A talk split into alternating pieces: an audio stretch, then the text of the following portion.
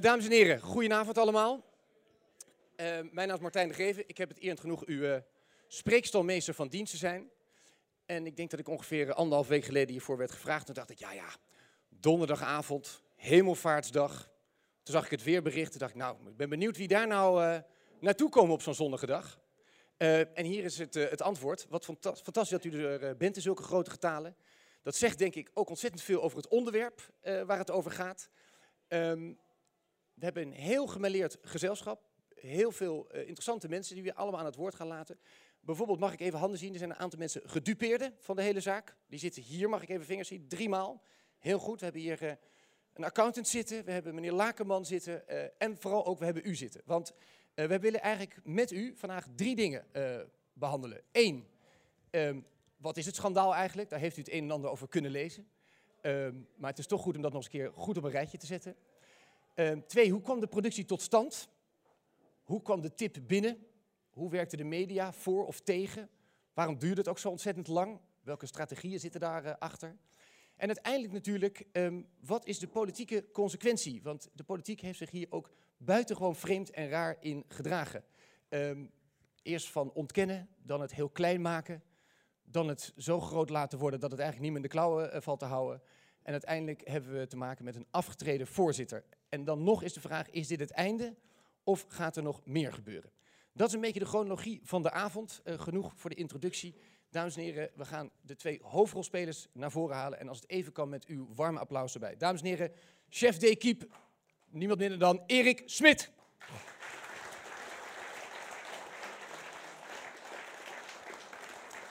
En dames en heren, de dame die dit politiek helemaal van voor naar achter weet. Ze heeft een lange uh, politieke carrière als de journalistiek gaat.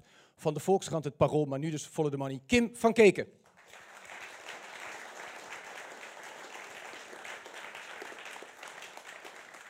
Ga zitten. Um, voordat we met jullie echt aan de slag gaan, eerst wat anders. We hebben hier op de, rij, uh, op de eerste rij een man zitten die uh, een wat wonderlijk iets heeft, namelijk een uit de hand gelopen hobby. Dat zullen misschien wel meer mensen in de zaal hebben. Maar deze man is consultant op de Zuidas bij de Bosse Consultancy Groep. Maar daarnaast schrijft hij columns. En dat doet hij op bijzondere wijze. En fantastisch dat hij vanavond in ons midden is. Warm applaus. Jonathan Koopmans. Die komt daar vandaan. Hallo. Kom even met het podium staan. Hey. Want we hebben helemaal achterin daar een heel mooi hoekje gemaakt. Schemerlampje, ja. bloemetje. Ja. Schattig. Daar ga jij uh, jouw werk verrichten. Geef hem vast een warm applaus. Hij gaat achterin zitten. En aan het eind van de avond horen we hem terug. Dankjewel vast. Zeker. Goed. Ik kijk even naar de techniek. Zijn jullie daar ook uh, klaar voor? Dan zijn wij het ook. Werkt deze? Ja. Juist. Um, laten we eens gewoon bij het begin beginnen. In den beginnen. Um, waar begon dit avontuur, Erik? Um, ja, zoals met uh, veel verhalen en, en, uh, in de journalistiek, dat je, dat je een keer getipt wordt op een, op een dag. dat iemand die je kent en die je wel eens eerder hebt ontmoet en, en, die weet waar jij mee bezig bent en wat jou bezighoudt, is jou ergens op attent maakt. En, en, zo gebeurde dat hier ook. En dat moet ergens in de, ik meen dat het was eind januari, begin februari, misschien ergens, ergens in januari volgens mij zelfs, um, dat iemand mij tipte, een, een liberaal een, een VVD'er, uh, een bezorgde VVD'er zelfs. En, uh, en die wisten dat ik niet, belangstelling had voor zeg maar, uh, stichtingen en verenigingen die zeg maar, op een of andere manier ja, tekort waren gekomen door een transactie. En, en hij zei, ik heb hier een vereniging en die, die moet je, dat zou je eens even moeten bekijken. Want die hadden, waren eigenaar van een bedrijf en dat bedrijf is verkocht. En degene die dat heeft overgenomen, dat is ene meneer Henry Keizer. Ik zeg, ja, maar uh, ik had echt nog nooit van ene Henry Keizer gehoord, hè, dus januari. Dus dat, en uh, jij zegt, dat, is, dat is de partijvoorzitter van de VVD. En nou ja, toen sloeg ik eigenlijk stijl achterover. Dat, nou, dat is interessant. Dat, dat maakt het dan meteen natuurlijk een stuk aantrekkelijker dat het zo dicht bij de macht zit. En uh, nou ja, daar begint het. Daar ga je er trekken eigenlijk aan een, aan een draadje. En, uh, en, maar had je meteen wel dat er iets spannends was? Want jij wordt, wordt waarschijnlijk ongetwijfeld vaker getipt. En dan moet je natuurlijk vaak toch selecteren waar ga ik mijn energie inzetten. Had je meteen het gevoel, oh, dit is spannend? Ja, ik dacht eigenlijk meteen dat het spannend was. Waarom? Uh, in dit geval, uh, ik, heb, ik heb eens een keer een, een, een, uh, voor een FTM een jaar of drie, vier geleden eens een keer een, een artikel ingegraven in een, in een verhaal. dat ging over een stichting die ooit eigenaar was van een van een groot pensioenfonds in de Rotterdamse en Amsterdamse haven, de stichting Optas. En die stichting die beheerde dat pensioenfonds en die, en, en, die verkocht dat ergens midden jaren nul, zo ongeveer in 2007, aan de firma Egon. Maar vlak voor die tijd hadden ze de statuten van die vereniging of van de stichting hadden ze gewijzigd. En de opbrengst, uh, anderhalf miljard euro, die kwam in een stichting die opeens niet meer ten goede kwam uh, voor het belangen van havenarbeiders, maar voor kunstprojecten. En, en, die havenarbeiders hadden daar geen recht meer op. En nou, dat werd een groot tumult. Ik weet niet, zijn er mensen in de zaal die ooit van de stichting Optas hebben gehoord? Uh, en oftewel de Optas-affaire. Nou, anderhalf miljard aan waarde kwam in die stichting uh, die eigenlijk uh, de, de, de, de, pensioenen van havenarbeiders had moeten, hadden moeten toekomen. Nou, daar is een groot gevecht om geweest. Er ging uiteindelijk een half miljard terug naar die havenarbeiders. Maar onderaan de lijn bleef er een miljard voor die stichting over, waar slechts vijf mensen over het beheer over doen en, en daarover kunnen beschikken. Tot op de dag van vandaag. Stichting eh, de, de eh, Adomo, eh, dat die beheert had en die geven nu geld aan het concertgebouw en noem maar op. Afijn, ik, ik, was daar zeer verontwaardigd over dat dat zomaar komt. Zo'n ongelooflijk bak met geld eigenlijk zeg maar, verhangen kon worden van kleur. En, uh, en dat dat bezit eigenlijk overging naar een, een groep van andere mensen. En, uh, dus ik, toen ik hoorde dat een vereniging een, een, bedrijf had verkocht, dacht ik ah, onmiddellijk van dit kon wel eens iets van gelijke strekking zijn. Een, een, vereniging, en dat, dat, kan dan, er zitten vaak mensen in die, die, die, die, al een tijdje slapen, die niet helemaal goed doorhebben wat voor waarde er in, in de loop van de tijd is opgebouwd. En nou, dat betekent van, hey, in combinatie natuurlijk met het feit dat er een partijvoorzitter uh, mee gemoeid was, dacht ik, daar gaan we eens even kijken naar de cijfertjes. Nou, en toen kwam er een interessant paginaatje tevoorschijn. En ja, nee, dat is deze pagina. Dit is eigenlijk waar het allemaal begint. Neem even een slokje. Kijk, dit is pagina 33 uh, van de jaarrekening van de facultatieve groep BV. Dat is de uh, de BV die in 2012, op, de, uh, op 20 december 2012 werd opgericht om BV-beheermaatschappij de facultatieve over te nemen. En dat, die BV-beheermaatschappij de facultatieve, dat is het bedrijf waar het hier allemaal om gaat. Hè. Dat, is, dat was eigendom tot op die dag van de vereniging, de Koninklijke Vereniging voor Facultatieve Crematie. Daar komen we zo wat meer op terug. Hier is dat boek van, van de geschiedenis. Die, vereniging bestaat sinds 1874. Dat bedrijf werd voor een bedrag gekocht. En wat hieruit blijkt, uit dit uh, geheel, is dat er een aankoopprijs was van 12,5 miljoen. En, uh, en dan staat hier ergens negatieve goodwill van 19 miljoen euro. Nou, nou ben ik, dat zegt u misschien helemaal niet zoveel. Ik ben uh, opgeleid als bedrijfseconoom en, en, dat is al lang geleden en, en daar weet ik niet zo heel veel meer vanaf. Maar dat wist ik ongeveer, als negatieve goodwill is, dan betekent eigenlijk dat de overnemende partij eigenlijk heel veel waarde gratis heeft meegekregen. Nou, dat gebeurt wel eens als, als er bijvoorbeeld wat kernafval onder die begraafplaats zit en dat moet opgeruimd worden. En dan, hè, dan heb je, neem je een, een, eh, een, een, voorziening voor toekomstige verliezen. Nou, dat wordt in zo'n aankoop dan meegenomen en dan krijg je daar een negatieve goodwill mee. Ja. Uh, maar dat was hier helemaal niet het geval, want dat stond ook niet in de jaarrekening. Er stonden eigenlijk helemaal geen grote verliezen die daar uh, aanstaande waren. Dus dit was eigenlijk een cadeautje. Uh, zo zagen we eigenlijk vrij snel. Uh, nou, daar, daar, begon het eigenlijk mee. Een cadeautje van 19 miljoen euro voor de mensen die dit hadden overgenomen. Meneer Keizer dus. Nou, wat we ook nog uitvonden is dat die 12,5 miljoen euro die hier staat, dat van die 12,5 miljoen ook nog eens 12 miljoen uh, een dividend uh, was, uh, wat opgezameld was, gespaard was eigenlijk in, in winsten die waren gereserveerd daarvoor, de, af, de jaren daarvoor. En die, die, die, waren, die zouden uitgekeerd worden aan die vereniging. En, van die, uh, en die, hadden, die stonden eigenlijk gewoon op de balans al. Dus dat was een zogenoemde sigaar uit eigen doos. Dus van die 12,5 miljoen was 12 miljoen eigenlijk al eigendom van die vereniging. Dus grosso modo uh, werd een, een, bedrijf waar wij uh, op de balans konden zien dat een omzet draaide dat jaar 2012 van 106 miljoen euro. En een bruto winst van 6 miljoen euro, netto winst van 3 miljoen euro.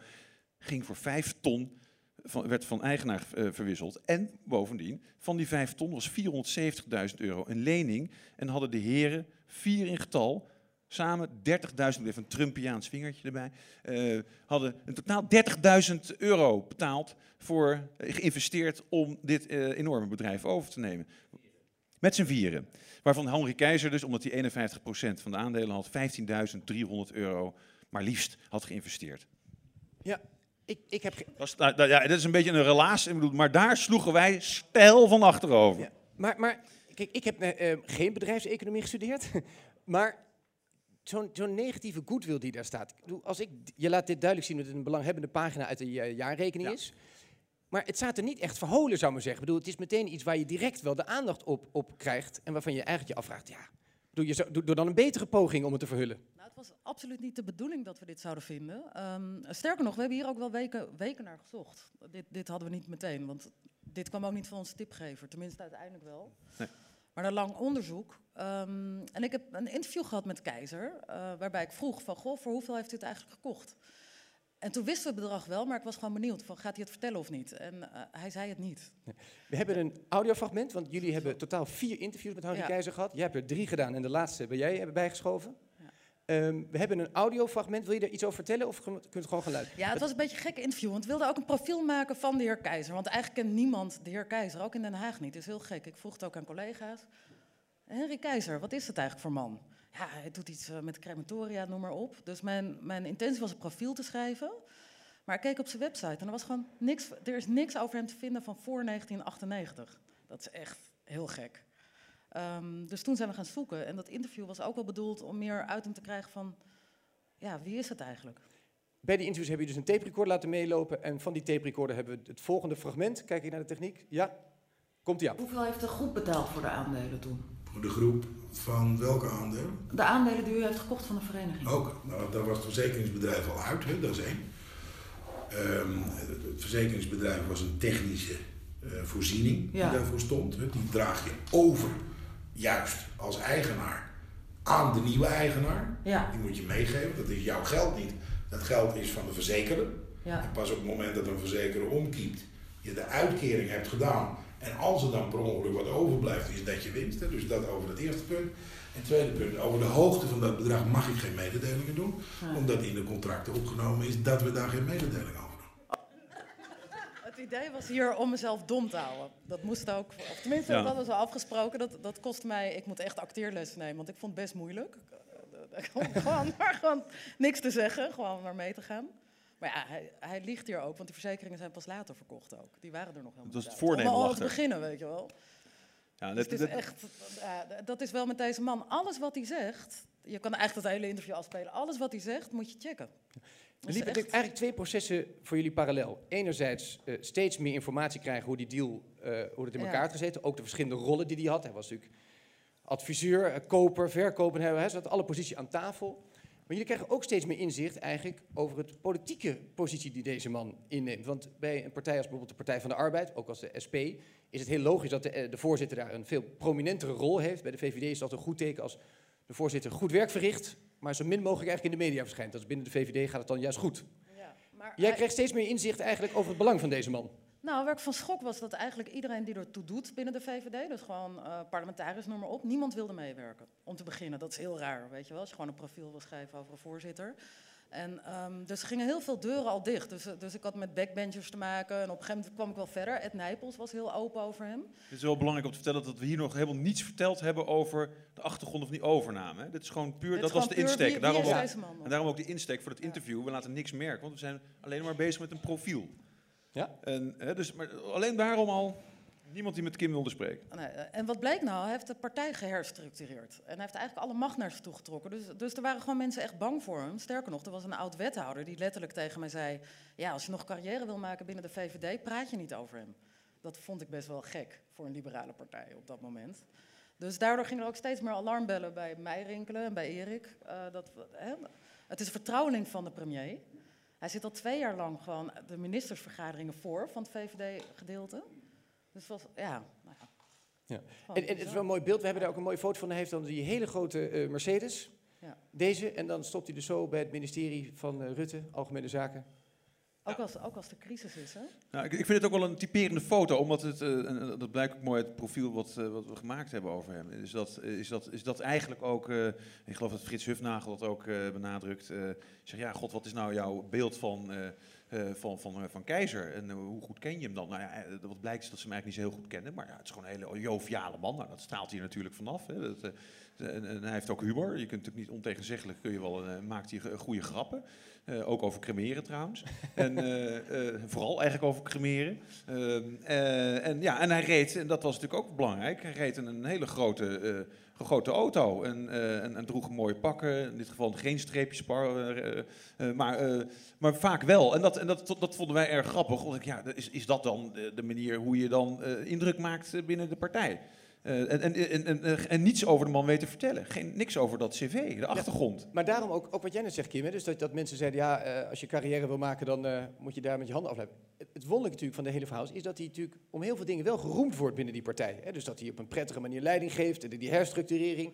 Dus de, de leden, want daar is die man ervoor als voorzitter, die zijn over het algemeen, even los van deze hele affaire, staan alle signalen op groen, goed functionerende Ja. voorzitter, joviaal, houdt de sfeer erin en onderwijl worden de zaken gedaan. Maar dat is wel bij de VVD op dit moment sowieso een probleem. Sinds Rutte verdonk, dat voert veel verder terug. Sinds er zoveel ellende is uitgebroken, wil geen VVD er nog vuile was buiten hangen. Dat gaat zo ver dat, dat, dat iedereen een soort polonaise achter zo'n man aanloopt. Ik vind dat wel zorgelijk voor een democratische partij. Zeker. En benieuwd hoe dat verder gaat. Komen we Ja. uitgebreid op Maar, terug. maar het is waar wat je zegt. Het, enthousiasme over de man is groot. En te- ontegenzeggelijk heeft hij ook heel kordaat opgetreden. Want hij heeft ook die partij ook met, eh, met, ja, met, met, met flinke eh, strakke hand gereorganiseerd. Hè? Het is een soort, een soort bedrijf geworden. Ja. En eh, van, ik weet niet hoeveel, de 18 of 14 districten ging het naar... Ze hadden 17 naar ze- 5 of zo. Ja. Dus de partijbaronnen van vroeger, de VVD, dat is eigenlijk weg. Er bestaan geen partijbaronnen meer. Niet meer in de zin zoals we ze vroeger kenden. Maar hij heeft ook wel mensen. Ik sprak, de afdeling Limburg heeft verzet gepleegd tegen de reorganisatie. Maar die zijn uiteindelijk in gaan stemmen omdat Keizer tegen de voorzitter, toen heette de koning. Had hij gezegd van, eh, ja, op, heet hij dit wel de koning? Ik zit te denken. In ieder geval, hij is nu burgemeester in eh Gennep, Nieuw-Gennep. Ik heb hem gesproken en hij zei... Keizer beloofde ons van, we kijken nog apart naar Limburg als jullie maar instemmen. En toen hadden ze ingestemd, toen hebben ze nooit meer wat van de heer Keizer gehoord. En de afdeling Limburg is opgegeven. Dus zo ging dat ook wel een beetje. Het is een ritselaar, het is een handige ritselaar. Dat, Ik wil terug nu naar, even naar de zaak, want jullie zijn dus steeds meer in het dossier aan het duiken, krijgen dingen buiten. En dan wordt het ook duidelijk dat, als het om de VVD gaat, dat hij niet de enige is die een belangrijke rol speelt. Twee VVD-senatoren, we zien ze nu hier in beeld. Leg even uit, wie zien we hier en wat was hun rol? nou, die ene meneer is Loek Hermans. Die was eh, fractievoorzitter van de Senaat. Die moest weg vanwege een van zijn vele commissariaten bij Mea Vita. Dat ging niet helemaal eh, vlekkeloos. Die man die zit sinds 1986 op een of andere manier bij de facultatieven. Daar zit een soort stichting die, die verspreidt crematoria. Ehm, daarna is hij bij de facultatieven gekomen, zowel in de ledenraad als bestuurder, als commissaris. En hij, zat, hij was commissaris en zat in de ledenraad op het moment dat de facultatieven eh, de, de aandelen werden verkocht. Dat op zichzelf genomen is al buitengewoon. eh, Ja, met twee petten. En, en bovendien is dit ook nog steeds vertrouweling van Rutte, ondanks dat hij geen politieke rol meer speelt. Die andere mevrouw die is senator eh, van de VVD. En die eh, was ook commissaris op het moment. Dat, en zij kent de heer Keizer weer vanuit Den Haag ook goed. Daar hebben ze al eerder in commissies gezeten. Maar we kunnen in ieder geval concluderen dat ze niet wegens hun grote crematiedeskundigheid hier geselecteerd zijn als raad Nou, van commissarissen. Loeke Hermans heb ik drie keer gesproken, maar elke keer zei hij weer wat anders. Ehm, want eerst zat hij alleen maar, was hij in de ledenraad. Toen zei ik, goh, maar u bent toch ook commissaris geweest? Oh ja, dat is ook nog zo. En steeds kwam ik achter nieuwe dingen. En op een gegeven moment wilde hij niet meer terugbellen. Maar over de ledenraad zei hij wel, ik ben een groot voorstander van cremeren. dus hij eh, had kennelijk wel een soort van passie. ja, daar zat wel iets van. Ja, nou, hij, hij moet er dus on- ontegenzeggelijk dat, dat, dat, dat Hermans natuurlijk eh, nou eh, echt veel voelt voor, voor dat cremeren. En, dat hij, en, dat, daar is ook natuurlijk veel voor te zeggen.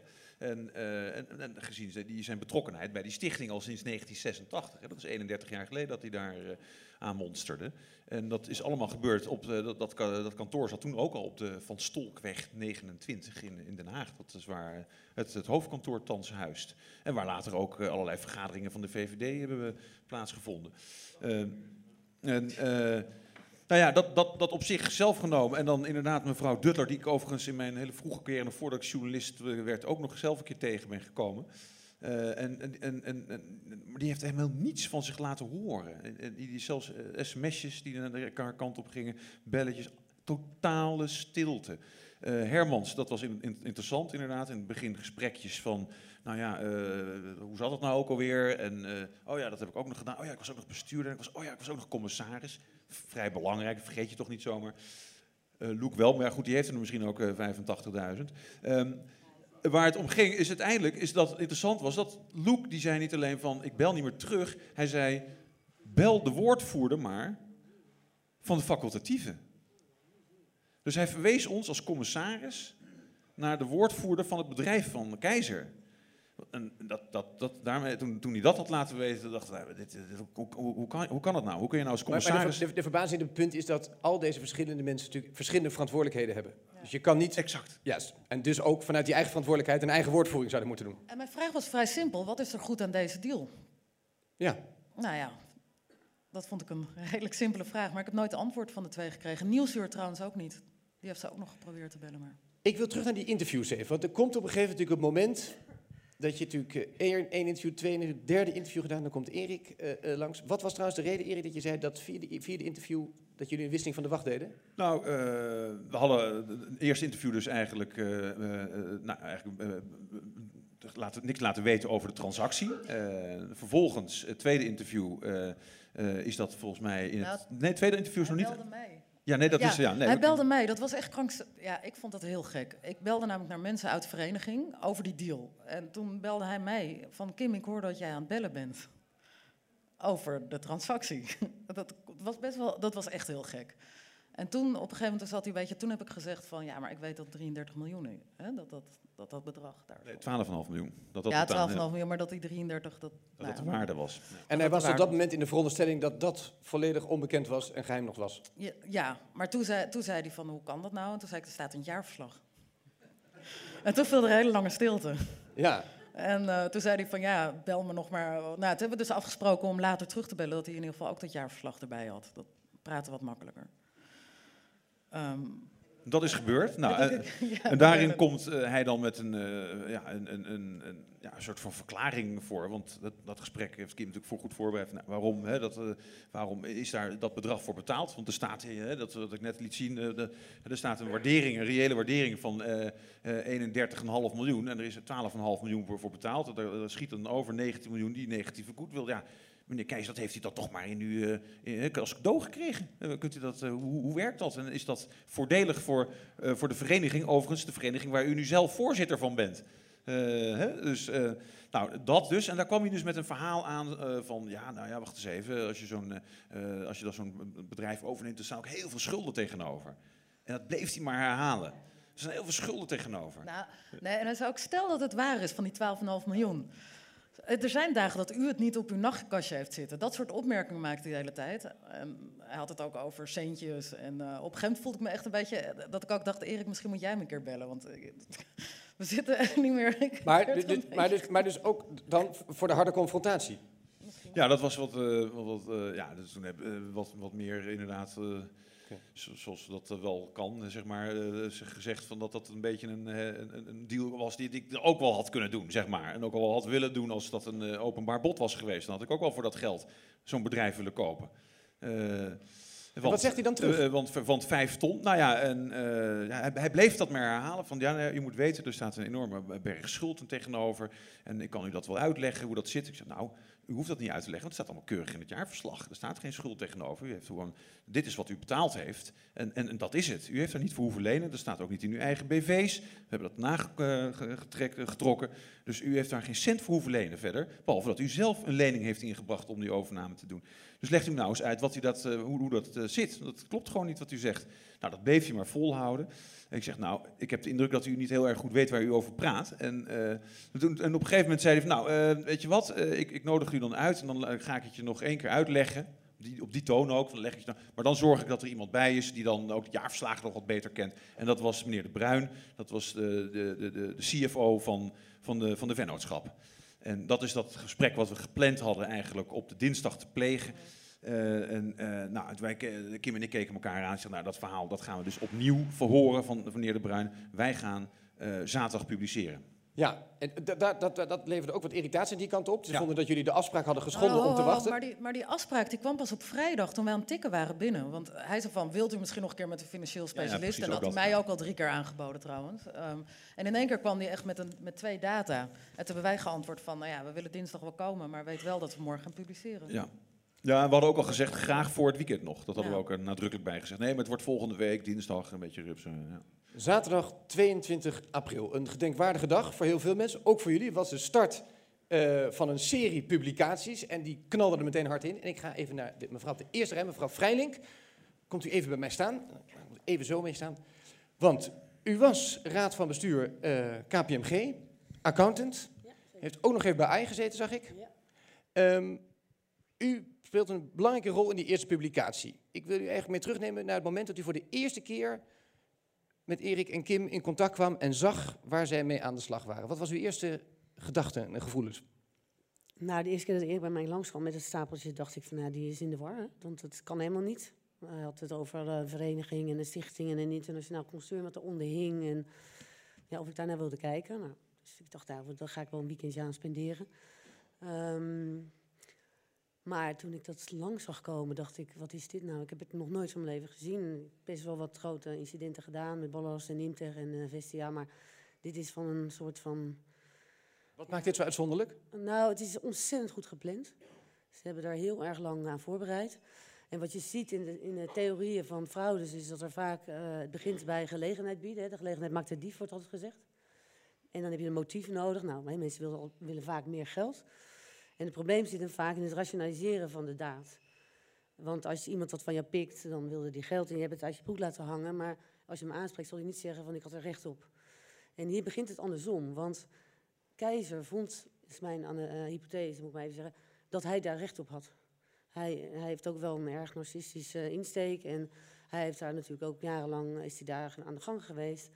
Waarschijnlijk is hij ook geboren dat hij een grote, eh, nou ja, een grote Napoleon was. Daar is ook wel wat over te vinden, heeft Kim ook wel eens wat over geschreven. Ehm, dus hij moest het, eh, dat, die had hij al, die rationalisatie. En dat is heel raar, want hij moest vervolgens gelegenheid gaan creëren, want die was er helemaal niet. Want er waren leden, er was een, eh, een accountant, er was een notaris. Eh, er, waren ook gewoon collega-bestuurders die iemand aan, aan, aan terug kunnen halen. Er was een raad van commissarissen. Dus dat moest allemaal. Dus ik dacht, hoe is het godsnaam mogelijk? Ik ben zelf geïnteresseerd in omstandersproblematiek. hè. je kan een daad doen, maar het is nodig hebben omstanders. Hè. Wat hebben die dan gedaan? Maar als ik u zo beluister, kijk, ik heb altijd het idee met, eh, met het verhalen met was mensen in een piramidespel beland. Het is niet dat die mensen vaak van tevoren denken, weet je wat, ik ga eens aan een piramidespel beginnen. Dus dat gaat Nee. vaak nog met de beste, of in ieder geval integere intentie. En op een gegeven moment wordt het van kwaad tot erg en dan wordt het gewoon crimineel. Ja. Wat u beschrijft is eigenlijk een hele grote operatie waar alle stappen gepland Helemaal tot op de laatste eh, finesse. Want hè, er is heel veel over geschreven, maar er, is, er valt nog heel veel meer over te zeggen. Want er zijn hele belangrijke onderdelen verhangen. Nou, dat is te technisch voor hier.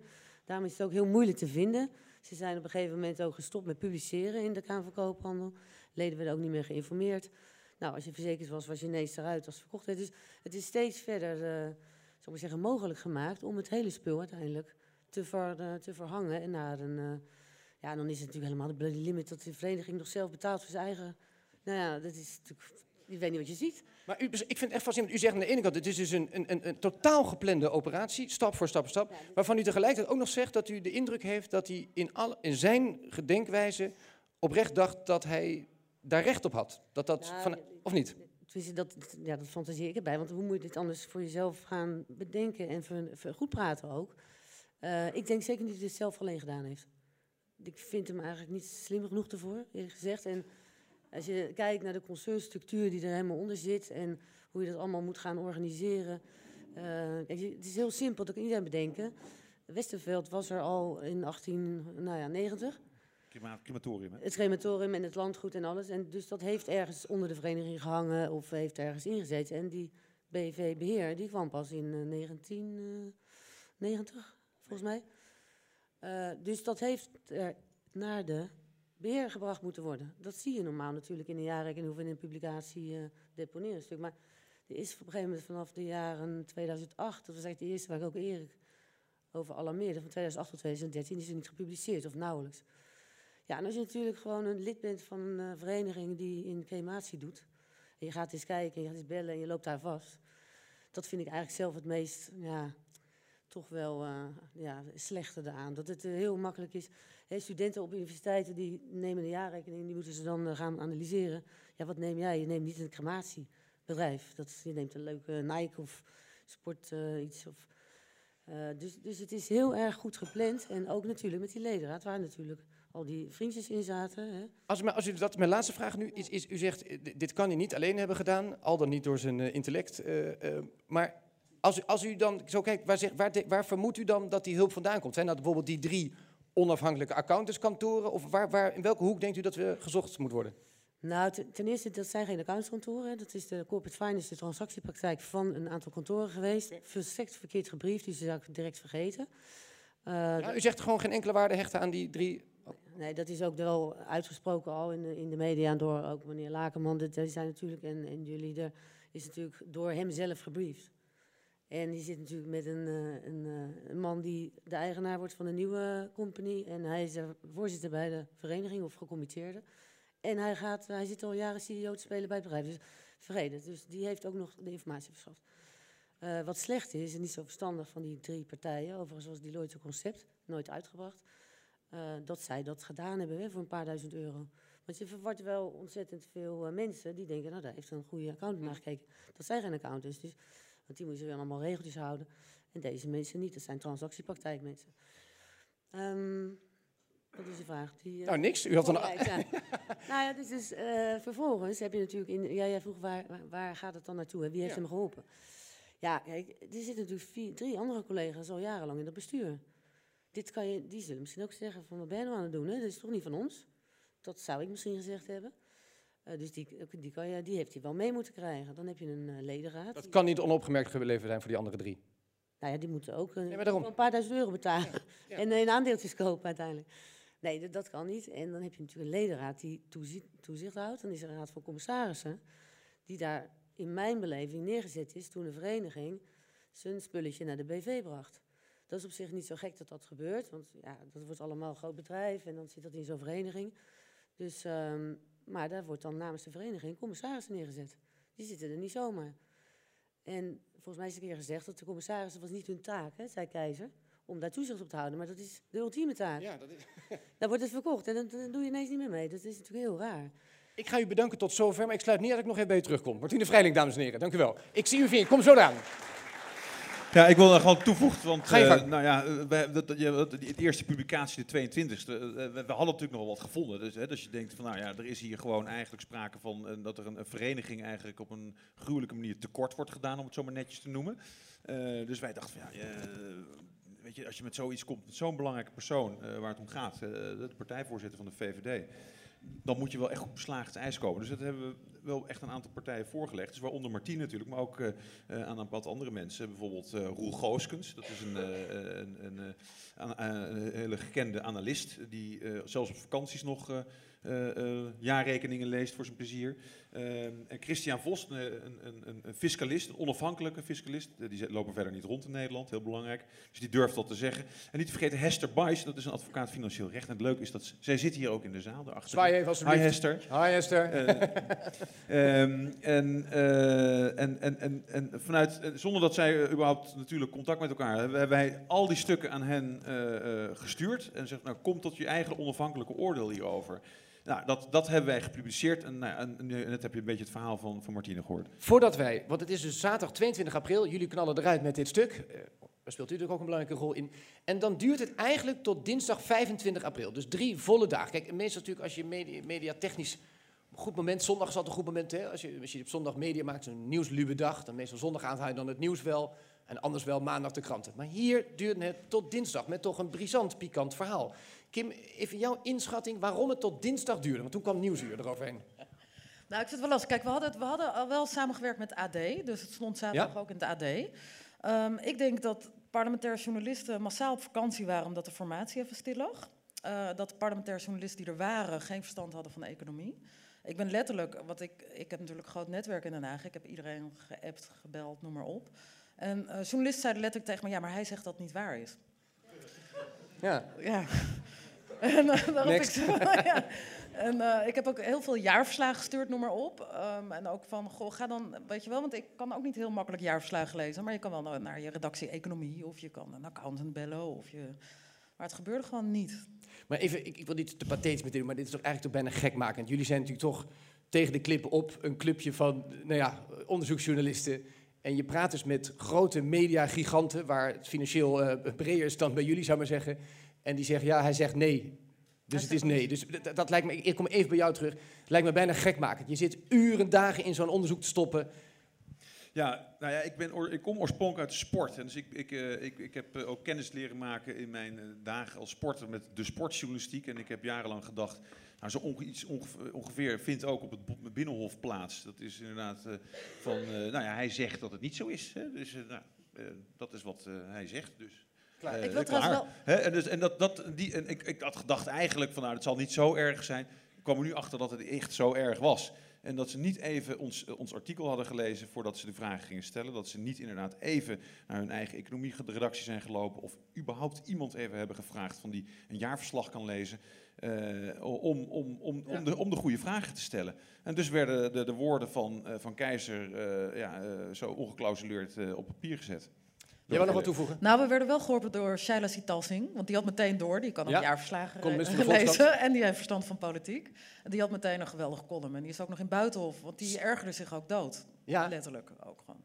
Ehm, wij gaan nu. Zij speelde een hele belangrijke rol. Ja. Dat willen we even wel accentueren. Ja. Dat, eh. En kort daarna eh, was het eh, Nieuwsuur die daarmee kwam. Maar laten we daar nu even naar gaan kijken. We hebben een fragment. We zien in die uitzending van dinsdag 25 april, Nieuwsuur, zien we de heer Pfeiffer, hoogleraar accountancy, verbonden aan Nijrode en ook de Universiteit van Leiden. En hij reageert als volgt op de publicaties. Nu het zo in de publiciteit is gekomen, zijn er meerdere partijen die hiernaar kunnen kijken. Binnen de VVD is er een integriteitscommissie. Als het om de jaarrekening gaat, komt de AFM in beeld. En als de verhalen, de verdenkingen die eh Follow the Money heeft geuit, juist blijken te zijn, dan zal dit een zaak zijn die de aandacht heeft van het Openbaar Ministerie en de FIOD. Ja, dat komt eh, hard binnenzeilen natuurlijk. En inderdaad, dan eh, is de partijvoorzitter die we hier even zien... eh, ja, mogelijk eh, onderwerp van eh, ja, strafrechtelijk onderzoek. Hè. Als het over OM gaat, dan heb je het daarover. Dan gaat het eigenlijk over waarom een bedrijf of een, sticht, of een vereniging bedoel ik, veel te weinig geld krijgt voor een bedrijf wat heel veel waard is. Nou, Dat is een belangrijk moment. Dan gaan we naar 28 april. We hebben dit in de voorbereiding genoemd de hekscène. en dan moet u denken aan het woord heks, letterlijk. Want ehm, hij moet uiteindelijk gaan reageren. Steeds meer media gaan erop. En dan zegt hij, dan wil hij een persbijeenkomst, briefing, maar het mag geen persconferentie heten. En er zijn een aantal journalisten uitgenodigd, maar jij niet.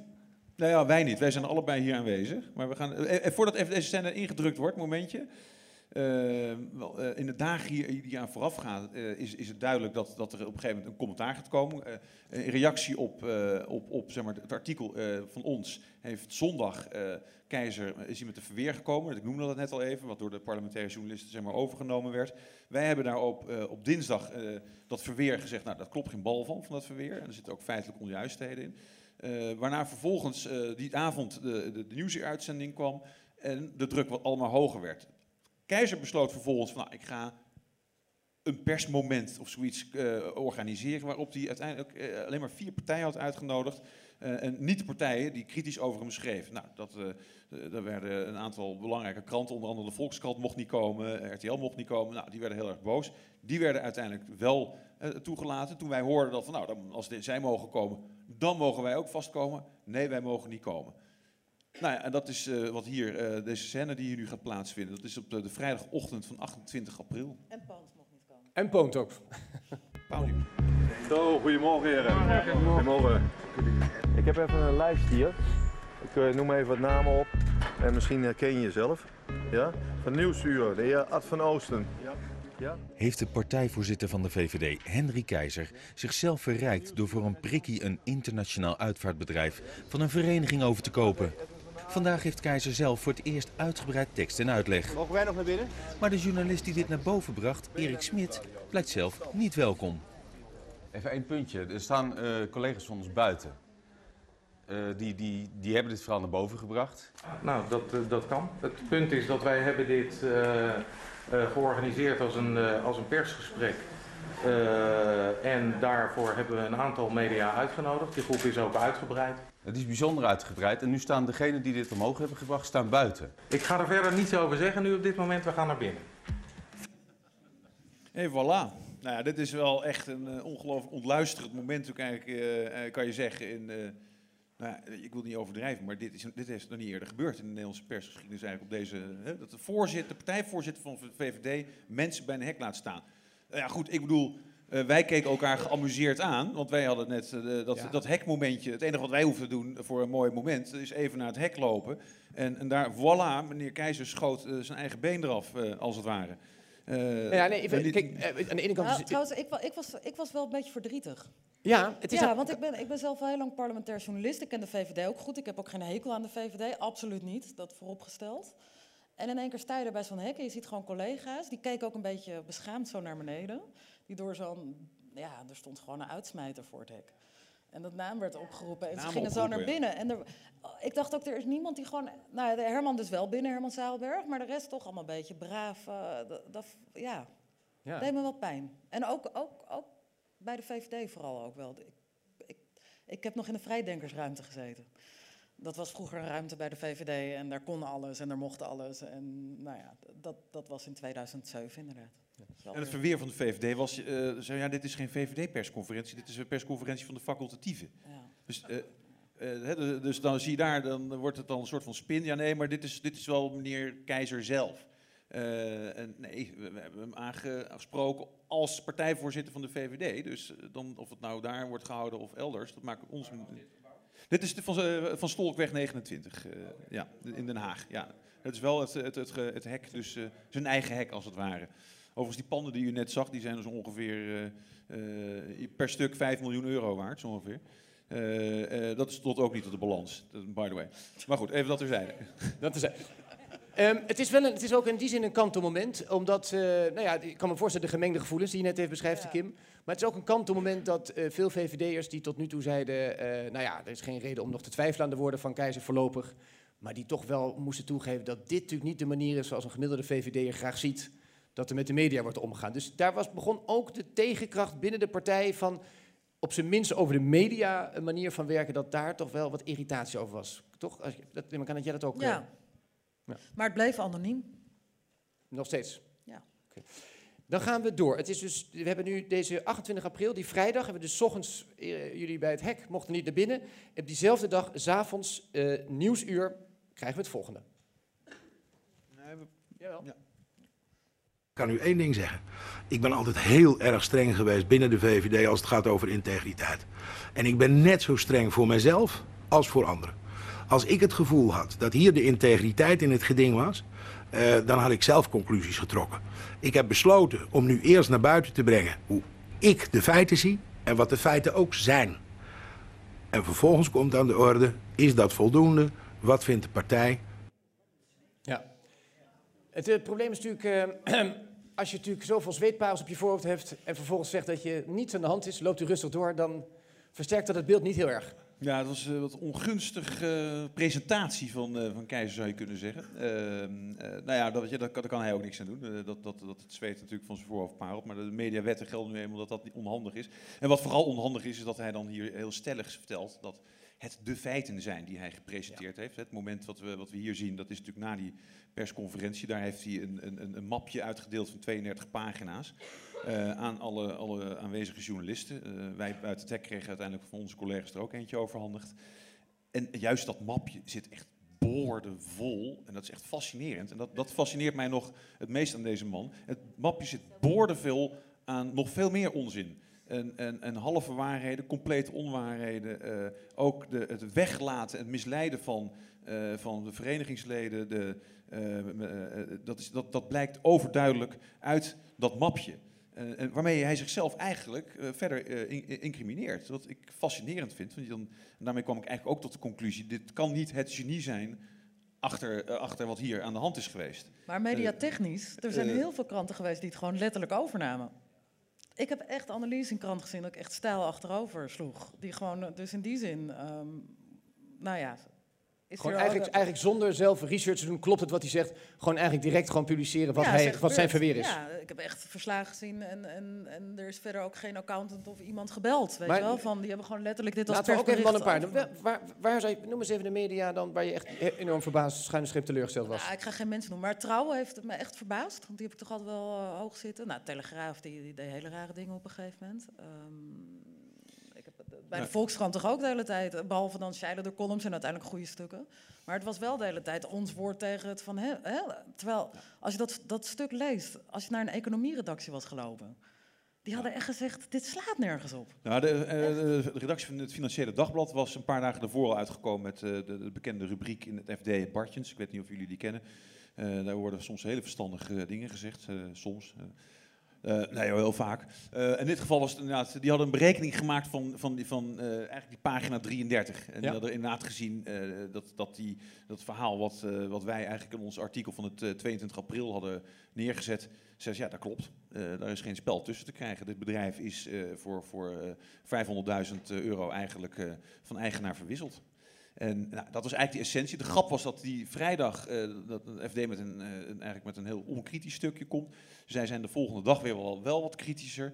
Eh, maar eigenlijk het merendeel neemt eigenlijk gewoon eigenlijk het, het, het, eh, het verhaal eigenlijk voor een belangrijk deel over. Tot onze grote verbazing. En, en dat deed me wel denken aan de tactiek van de VVD zoals het al jaren gaat. Kennelijk als Rutte of hè, als er iets is en er wordt wat gezegd, dan wordt het... Nou ja, Ja, het deed mij wel bevreesd voor andere dingen, zeg maar. we gaan eh, in dat kader gaan wij een fragment laten zien. Want binnen de VVD was natuurlijk de hoop dat hij op deze vrijdag het zodanig zou uitleggen dat daarmee de storm over zou zijn. Dat was de hoop. Eh, in die hoop, zonder dus zelf research te doen, zagen we ook Annemarie Jorritsma, een andere VVD-senator, zagen we bij BNR Nieuwsradio. En daar gebeurde dit. Ik wil met u ook nog even naar eh, de zaak Henri Keizer. Want u bent ook eh, fractievoorzitter van de VVD in de Eerste Kamer. Hoe schadelijk is deze kwestie voor uw partij? Nou, laat ik beginnen met te zeggen dat wij ongelooflijk blij waren dat we een voorzitter hadden die deed wat hij deed. Een fantastische voorzitter. Het is een man die bereid is om op de meest onmogelijke tijden naar alle hoeken van het land te gaan, naar afdelingen om te praten, om zijn werk te doen. Heeft de partij gereorganiseerd. Hartstikke goed. Uh, dus het is heel vervelend. Voor hem in persoon het allerergste. Het is ook schadelijk voor de partij, zeker. En dat is ook de reden waarom gezegd is van... nou, nu zo snel mogelijk de dingen naar de integriteitscommissie... laat hij er maar goed naar kijken... met behulp van een aantal mensen die verstand van zaken hebben. Toch heeft het uh, even geduurd. Ja, omdat er eerst gedacht werd, uh, ook door hemzelf... Uh, dat, dat hij het gewoon, gewoon kon uitleggen.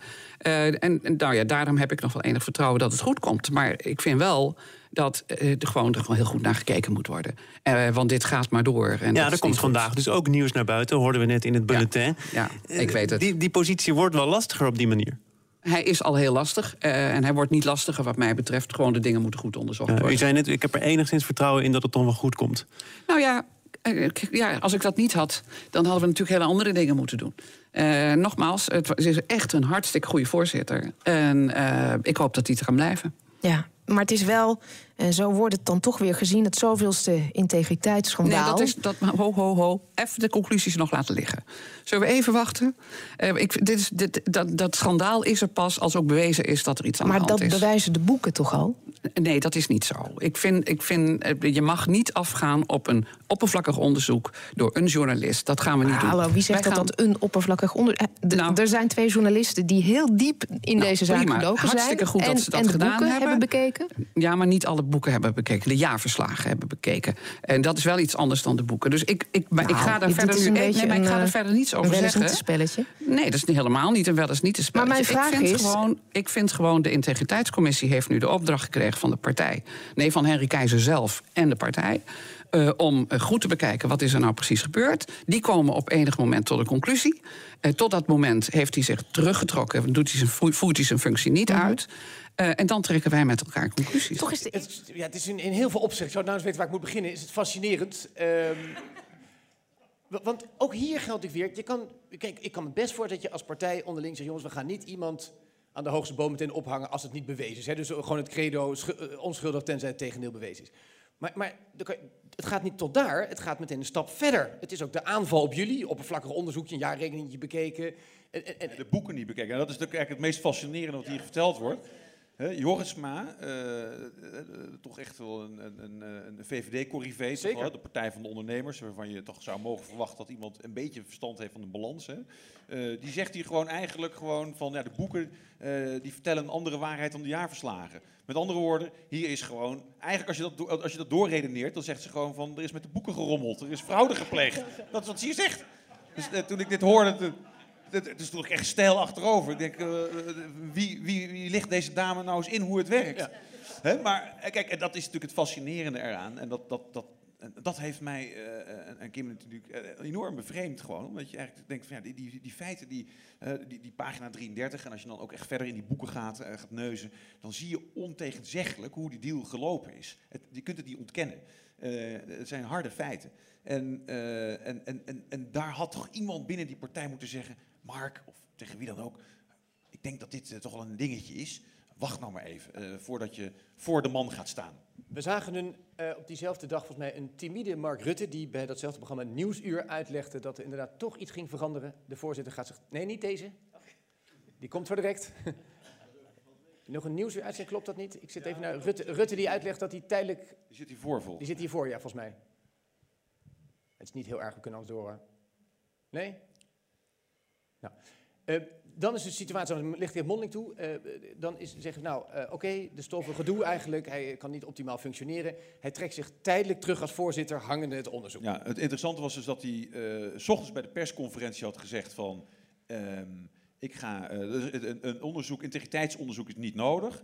Eh, vier uur na de persconferentie werd het eh, toch een integriteitsonderzoek. En vier dagen daarna, want integriteitsonderzoek betekent eigenlijk binnen de VVD dat je dan ook tijdelijk afscheid neemt van, eh, van, van de functie die je bekleedt. Hè? Dat je even zegt, nou dan stap je even Sterker terug. nog, dat heeft Keizer ingevoerd bij Mark Ja. Verheijen. Dat heeft, kijk, precies, dat is nou het aardige. En dat deed Keizer niet. Nou, toen kwam, er bleven maar natuurlijk artikelen komen.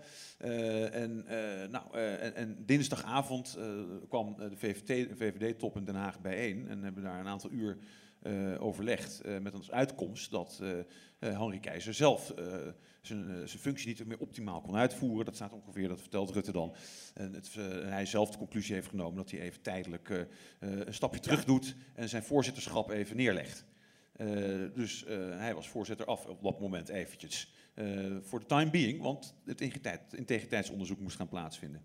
Jij wil nog wat toevoegen? Anders ga ik het anders laten zien. Nee. Dat filmpje wat we net al bijna hadden, eh, want we hadden vorige week een aflevering van Politieke Junkies en toen heb ik een redacteur ons gevraagd, dus, dus alle credits die kant op. Het is dus niet de eerste keer, de VVD scoort eh, de laatste jaren het allerhoogste als het gaat om eigen politici die in aanraking komen met het strafrecht. Er staan van die lijstjes worden erbij, geloof Vrij Nederland houdt dat bij. Eh, dat, heeft, eh, dat is zeer pijnlijk en daar heeft Rutte ook een aantal belanghebbende woorden over gesproken, daar kom ik zo op. Maar we kijken eerst even naar het afgelopen kabinet, het huidige demissionaire kabinet. Kijken we even naar ehm, VVD-politici in de problemen en die krijgen dan een ondersteuning, bescherming van Mark Rutte. En dan zie je op een gegeven moment toch iets van een patroon. dat we ook zo iemand, Frans Wekers, die ik heel goed ken, die ik totaal vertrouw, waarvan ik weet dat hij met volstrekte integriteit zijn werk doet. En ik heb eh, dat draagvlak, dat brede draagvlak in deze Kamer, in het debat niet gevoeld. En daarom hebben we besloten, mevrouw de voorzitter, om morgen mijn ontslag aan te bieden aan de koning. Daarop heb ik het net bij uw collega al gereageerd. En gezegd dat eh Verheij, eh, wat hij onterecht heeft gedeclareerd zal terugbetalen. En dat het verhaal naar mijn gevoel erg is opgeblazen allemaal. eh. Mark Verheijen vertrekt per direct als Kamerlid.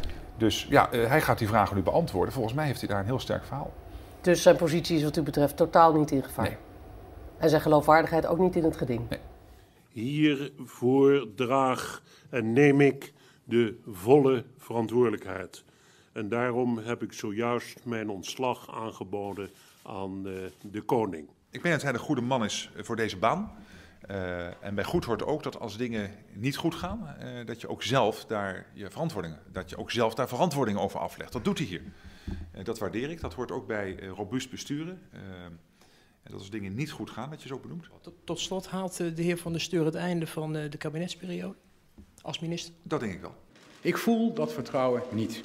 En heb voor dit debat aan de minister-president laten weten dat ik aan het einde van deze eerste termijn mijn beslissing hieromtrent wilde kenbaar maken. Ik vind ook dat hij adequaat heeft gereageerd eh, op de eh, gebeurtenissen, op de zaken die naar voren waren gebracht. Ik vind het ook verstandig dat hij nog eens even naar de integriteitscommissie gaat kijken. Maar volgens mij is dat ook echt voldoende. Is hij een integere man? Dat is hij zeker. VVD-voorzitter Keizer weg. Ja, ja Kim. Nou, ja. ja. Maar wat mij Nee, op- nou, wat mij ook opvalt, is dat, dat Rutte er steeds mee wegkomt, trouwens. Dat, Ja. dat, dat er nooit meer daarna eigenlijk over wordt gesproken, nu ook niet. Ehm, ja, het is, het is Maar fascinerend. Kim, even toch. Eh, eh, Voor de mensen die die politiek wat langer al volgen, is je kan vriend en vijand zitten het erover eens zijn dat Mark Rutte in de meest benarde posities, eloquent, schitterende woorden, timing, hij kan er uit moeilijke posities, is hij de meester van het woord. Elke keer hier gaat hij verder dan strikt noodzakelijk is. Dus hij brengt zichzelf in de problemen door verder te gaan in, in de ondersteuning en omhelzing dan feitelijk nodig is.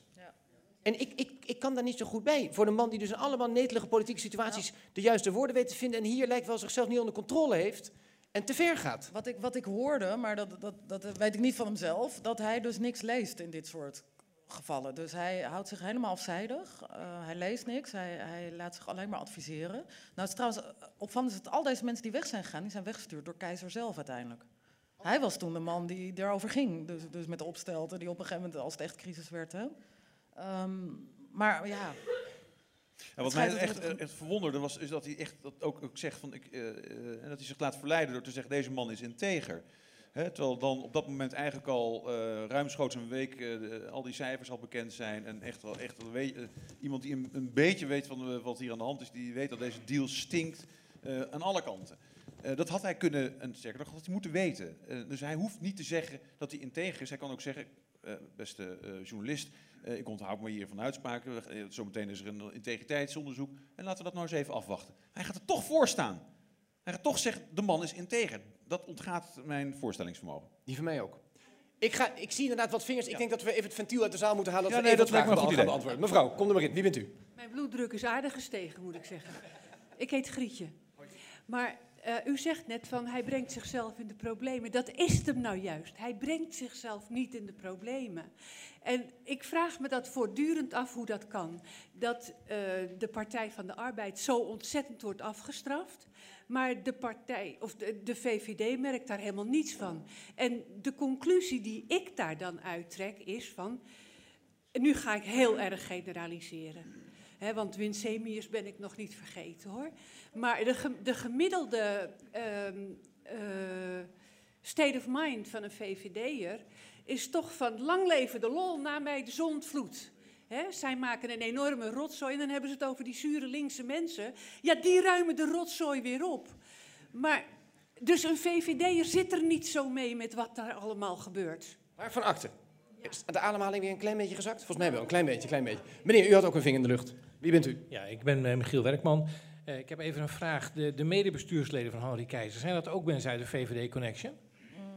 Nee, we zijn erachter gekomen dat, dat dat stond in het laatste profiel.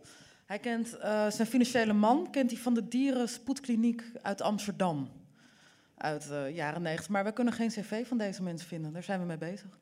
Ik sta hiernaast de voorzitter van de Stichting Onderzoek Bedrijfsinformatie, oftewel Pieter Lakenman. Komt u ook even staan. Geeft u meteen een warm applaus.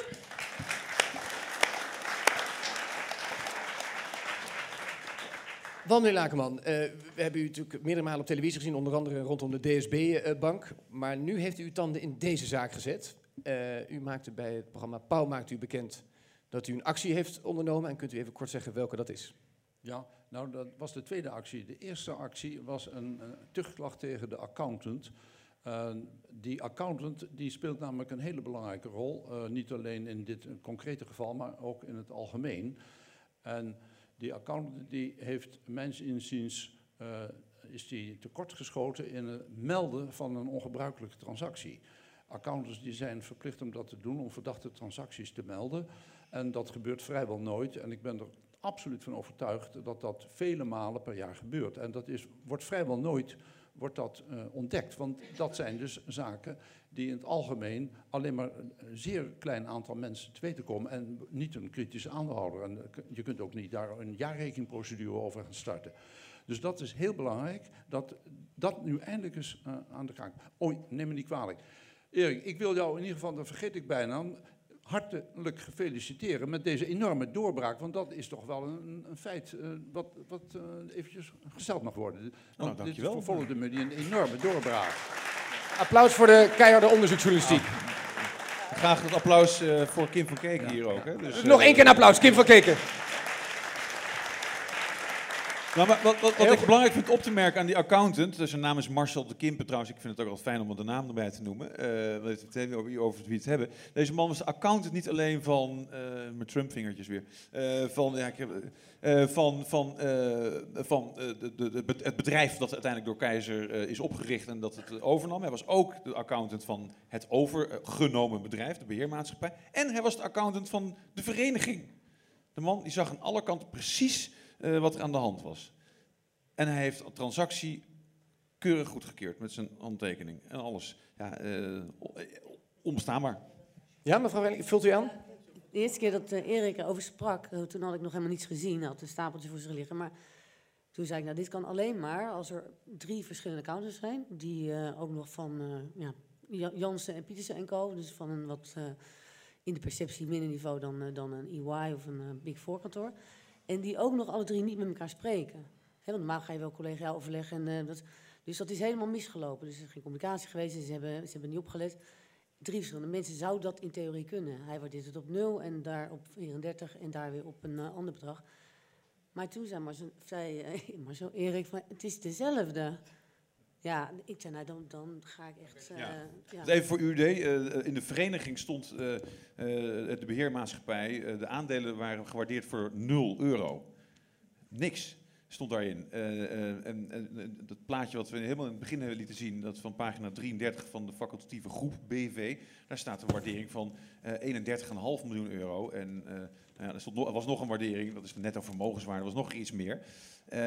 dus dat is natuurlijk een enorm verschil. En dat, hoe, verklaar je dat? En hoe verklaar je nog veel meer balansposten die, die niet met elkaar overeenkomen? Dus dat was aanleiding waarschijnlijk ook voor de heer Lakenman om meneer de Kimpus even... Ja, ja legt u even uit. Wat, een, wat, gaat u doen? Of wat bent u aan het doen? Nou ja, dus ik, ik, heb dus die terugklacht ingediend eigenlijk op basis van dat het een, een transactie was die in ieder geval even los van eventuele strafrechtelijke zaken gewoon heel, heel verdacht was. En daarna, moet ik zeggen, dus op, op basis van de stukken die meneer Keizer dus heeft uitgedeeld op zijn uh, bijeenkomst, ja, daar bleek uit, gewoon in mijn ogen, keihard het misdrijf van oplichting. Want meneer Keizer die had persoonlijk zelf, had hij dus onjuiste cijfers gepresenteerd aan iemand die de waarde moest bepalen. Want officieel hè, was er overeengekomen dat de koper en de verkoper zouden dan samen een beetje de waarde bepalen. Ja, dat was dan toch een beetje keizer en keizer, maar goed. Er waren dus dan, uh, zijn dus een aantal externe deskundigen die dat moest, moesten doen. En meneer Keizer, die, die, die liegt ze staalhard voor. Die zegt dus dat het eigen vermogen bleek intern, uit interne cijfers, bleek dat het eigen vermogen van de club volgens Keizer dus min 15 miljoen was. Terwijl het, het zichtbaar vermogen was al plus 22. Dus het, in werkelijkheid waarschijnlijk nog veel groter. Dat was een keiharde leugen. Verder is die daarna, maar laten we zeggen, Keizer is natuurlijk niet de enige verantwoordelijke. Hè? Een, hele raad van bestuur is voor dit soort zaken uh, aansprakelijk te stellen en ook verantwoordelijk. Ook strafrechtelijk overigens. Uh, maar Um, daarbij kwam dus ook dat hij later samen met het bestuur, dus aan de taxateurs van de onderneming, heeft gezegd: jongens, jullie moeten die en die activa, dus de verzekeringsactiviteiten en het Duitse goed, moeten jullie niet in de waardering opnemen. Nou was dat toevallig, hè, of niet toevallig, was dat de helft van alle eigendommen van de vennootschap. Ja, dat is dus. En toen op basis daarvan kwam de, uh, de, de, ledenraad die uiteindelijk moest beslissen. Want in, in de facultatieve, in, in, de, in de vereniging heeft het bestuur niet zoveel te vertellen sinds enige tijd. Dus ging de ledenraad. De ledenraad die kreeg dus te horen, nou de zaak is uh, ongeveer uh, nou ja, 10 of 15 miljoen waard of zo. Het was al, eigenlijk al lager dan de drie gecombineerde taxateurs tezamen hadden um, berekend. Hè, dat werd al 3, 4 miljoen naar beneden afgerond. Bleef over 12,5 miljoen. Nou, Toen heeft dus het bestuur van de ledenraad dus te horen gekregen... jullie mogen die zaak voor 12,5 miljoen verkopen aan eh, een, een, nieuwe vennootschap van het, de, de, het management, hè, Keizer en zijn drie companen. Nou, oké, nou, het werd dus uiteindelijk ja, voor 30.000 verkocht. Ja, en dat werd dus helemaal niet aan de ledenraad meegedeeld. Er dus blijkt niks van. Maar bovendien, ik dacht dus eigenlijk dat het dus 30.000 was, maar in het jaarverslag van de vereniging, daar moet dus de verkoopopbrengst in hebben staan. Dat is nul. Er staat helemaal geen verkoopopbrengst in het jaarverslag van 2012 van de vereniging. Dus dit is gewoon, kijk, op, Als ik, als ik u zo beluister, u bent, kijkt wel eens vaak ingewikkelde begrotingen, bent u aan het doorworstelen. Hoe, hoe kwalificeert u deze echt? Want ik moet eerst zeggen, Nou, dit is gewoon, ik heb het al gekwalificeerd, dit is oplichting. Dus, eh, ja, maar het is een beetje klungelig ook, komt het een beetje over. Ja, maar dat is, kijk eens, elk... Heb je er, als je niet gestudeerd hebt, hè, dan heb je de vrijheid om dat soort dingen gewoon te roepen. Kijk, elk, elk misdrijf, als je het blootlegt, is vaak heel simpel in de kern. Maar het wordt met allerlei omzwachtelde opmerkingen wordt iets ingewikkeld gepresenteerd. Daar is Keizer toch wel vrij capabel in. Hè? Die kan dat wel. Hè? Hij, naait in ieder geval de, de, de hele establishment, behalve dan voor de menu van, van de Nederlandse journalistiek, eh, in feite een oor aan met zijn goede praatjes. Ik ga nu twee vragen nog aan u stellen. Eén is, u heeft een klacht ingediend. En, en twee is, eh, wanneer, hoe, waar, waar is het in proces? Wanneer gaat u er wat van horen? En ik wil eigenlijk ook aan Erik vragen, heeft het Openbaar Ministerie op een of andere manier ook contact met jullie gehad? Hebben jullie signalen dat er inderdaad iets in beweging is?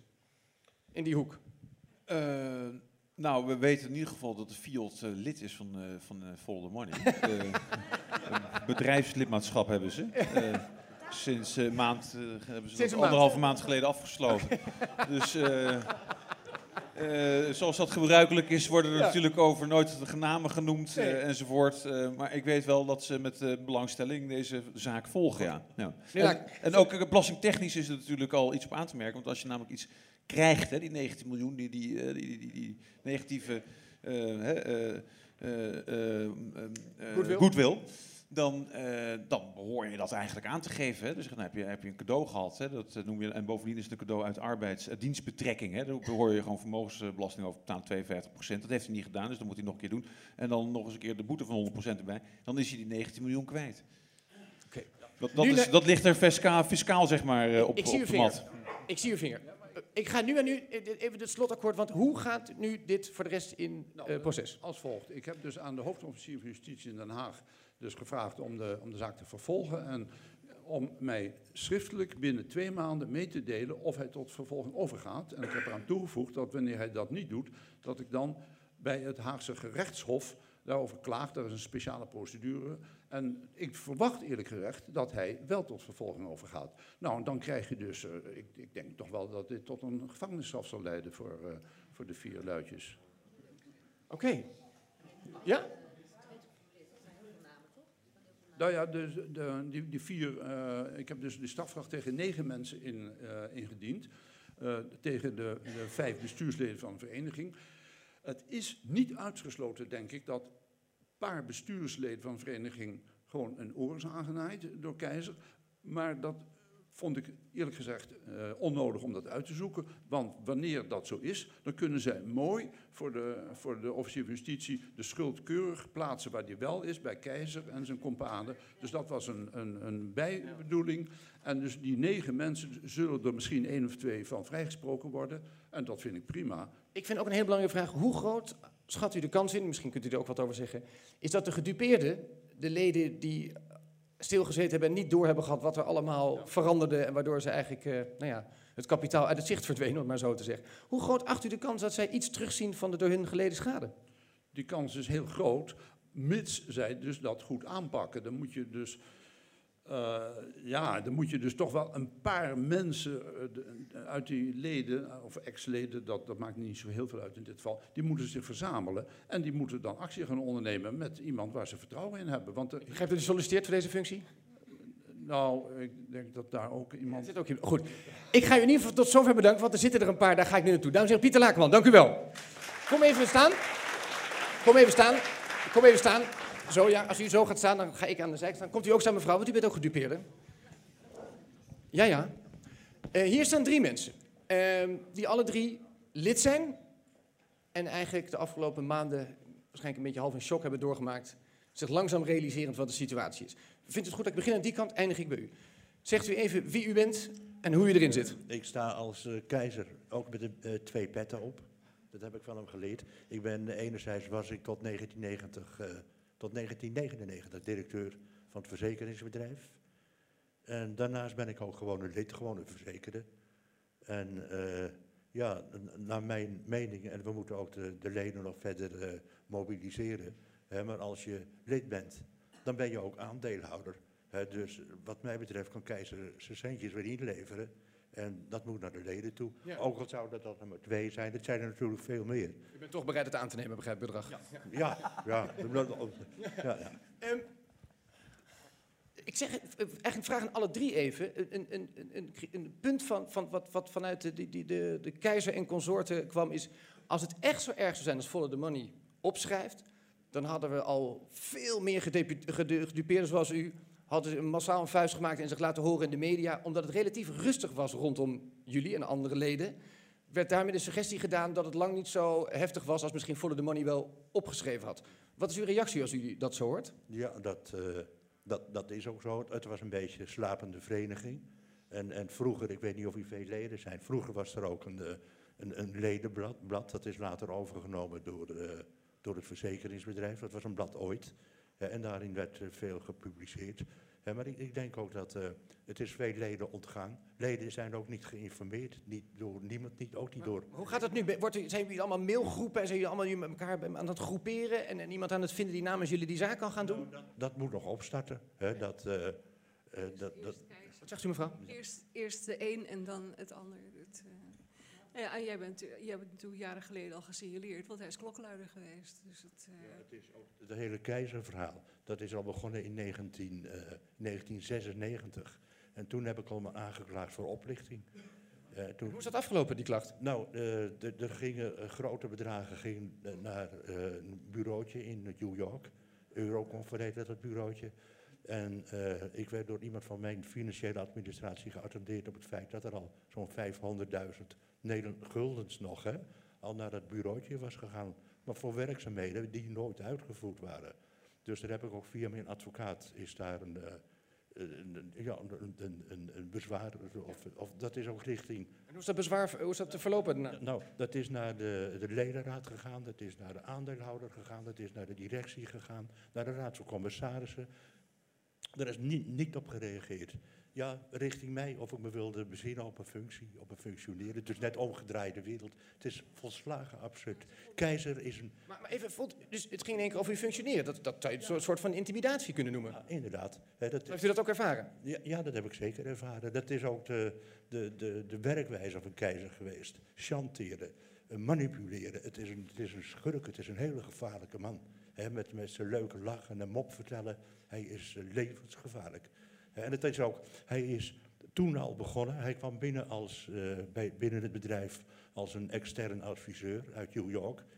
Daar had hij dan een succesvol bedrijf, maar niet dus. Eh, toen kwam hij, hij had amper kleren. Hij had een heel oud autootje. En hij kwam voor 30.000 gulden, kwam hij voor een ad interim job naar, naar ons naar Den Haag. om te adviseren bij een bedrijfje wat nog opgericht moest worden. Dat is nooit wat geworden. Want toen had hij zijn ogen laten vallen op de balans. Er stond toen nog 150 eh, miljoen guldens op. Nou, dat vond hij wat. Vanaf toen is hij bezig geweest, manipuleren dus. Die, dat hele oplichtingsverhaal, dat, dat begint al veel eerder. Hij heeft toen, dat is een heel ingewikkeld om zo in een paar woorden, zo in een paar woorden te vertellen. Hè, maar hij heeft met chantage, heeft hij zich in, in, in manipuleren, zich in het bedrijf ge, gewrongen. Hè, dat, het een, eh, Ik word even hier aangetikt. Dat betekent dat iemand graag wat aan u wil vragen of zeggen. Nou, ik, ik wou eh, in ieder geval zeggen dat ik het heel eh, bijzonder en goed vind en dapper dat u hier bent. Eh, want het was inderdaad stil, maar ehm, en dat, ja, de, de extreemheid hiervan heeft mij ook wel gemotiveerd om ermee verder te gaan steeds. Maar wat ik wel wilde nou, aan, aanvullen is dat de vereniging is bestolen hè, of, of ge- gedupeerd. En de leden zijn eigenlijk niet de vereniging. Die hebben natuurlijk wel alles te zeggen over de vereniging. En het interessante is, ik heb vandaag ook met een advocaat gesproken over wat, wat betekent dat nou voor u. Dat eh, het bestuur normaal aangifte zou doen van deze eh, ja, diefstal.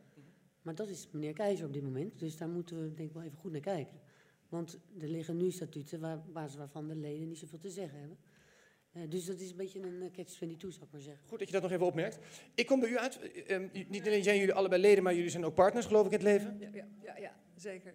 Nou ja, Wil je nog iets toevoegen aan uw man? Uh, nou ja, wat uh, een toevoeging was dat in New York dat bedrijf wat zij hadden, daar zat geen bedrijf, er zat gewoon een hotel waar een Duitse mevrouw wel een kamer huurde. En zijn vrouw, zijn vrouw is Duits. En ja, en dan krijg je 1 en 1 is 2. Het geld werd naar Amerika overgemaakt en daar ging zij het gewoon ophalen. Dus het, ja. Oké, okay, meneer, ja, ik, ik, schuift u een klein beetje die kant op? Ja, neem het is goed dat u het even allemaal zo wilt. Um, ja, dat is al een boel gezegd. Maar vertel even, wat is uw situatie? Ik ben lid uh, sinds 1973 uh, met mijn echtgenote. En ja, je betaalt jaarlijks 25 euro. En dat zijn van die suffe bedragjes die uh, automatisch worden afgeschreven. Op een goed moment krijg ik in maart een brief, in maart 2013, dat, zoals ik uit de media zou hebben begrepen, de facultatieve vereniging, de Koninklijke zou zijn opgeheven en dat uh, de uh, portefeuille is overgedragen aan Ardanta ASR. En daar werd gesuggereerd dat ik een verzekerde zou zijn, terwijl ik met stelligheid kan beweren dat ik nimmer, mijn echtgenote ook niet, een verzekering heeft gesloten, maar dat wij beiden uit puur ideologische redenen en motieven lid zijn geworden. En toen ik die brief van de facultatieve opgevolgd zag worden met een welkomstbericht van uh, Ardanta, uh, waarbij mijn lidmaatschapsgeld ineens uh, omgedoopt was tot verzekeringsproduct.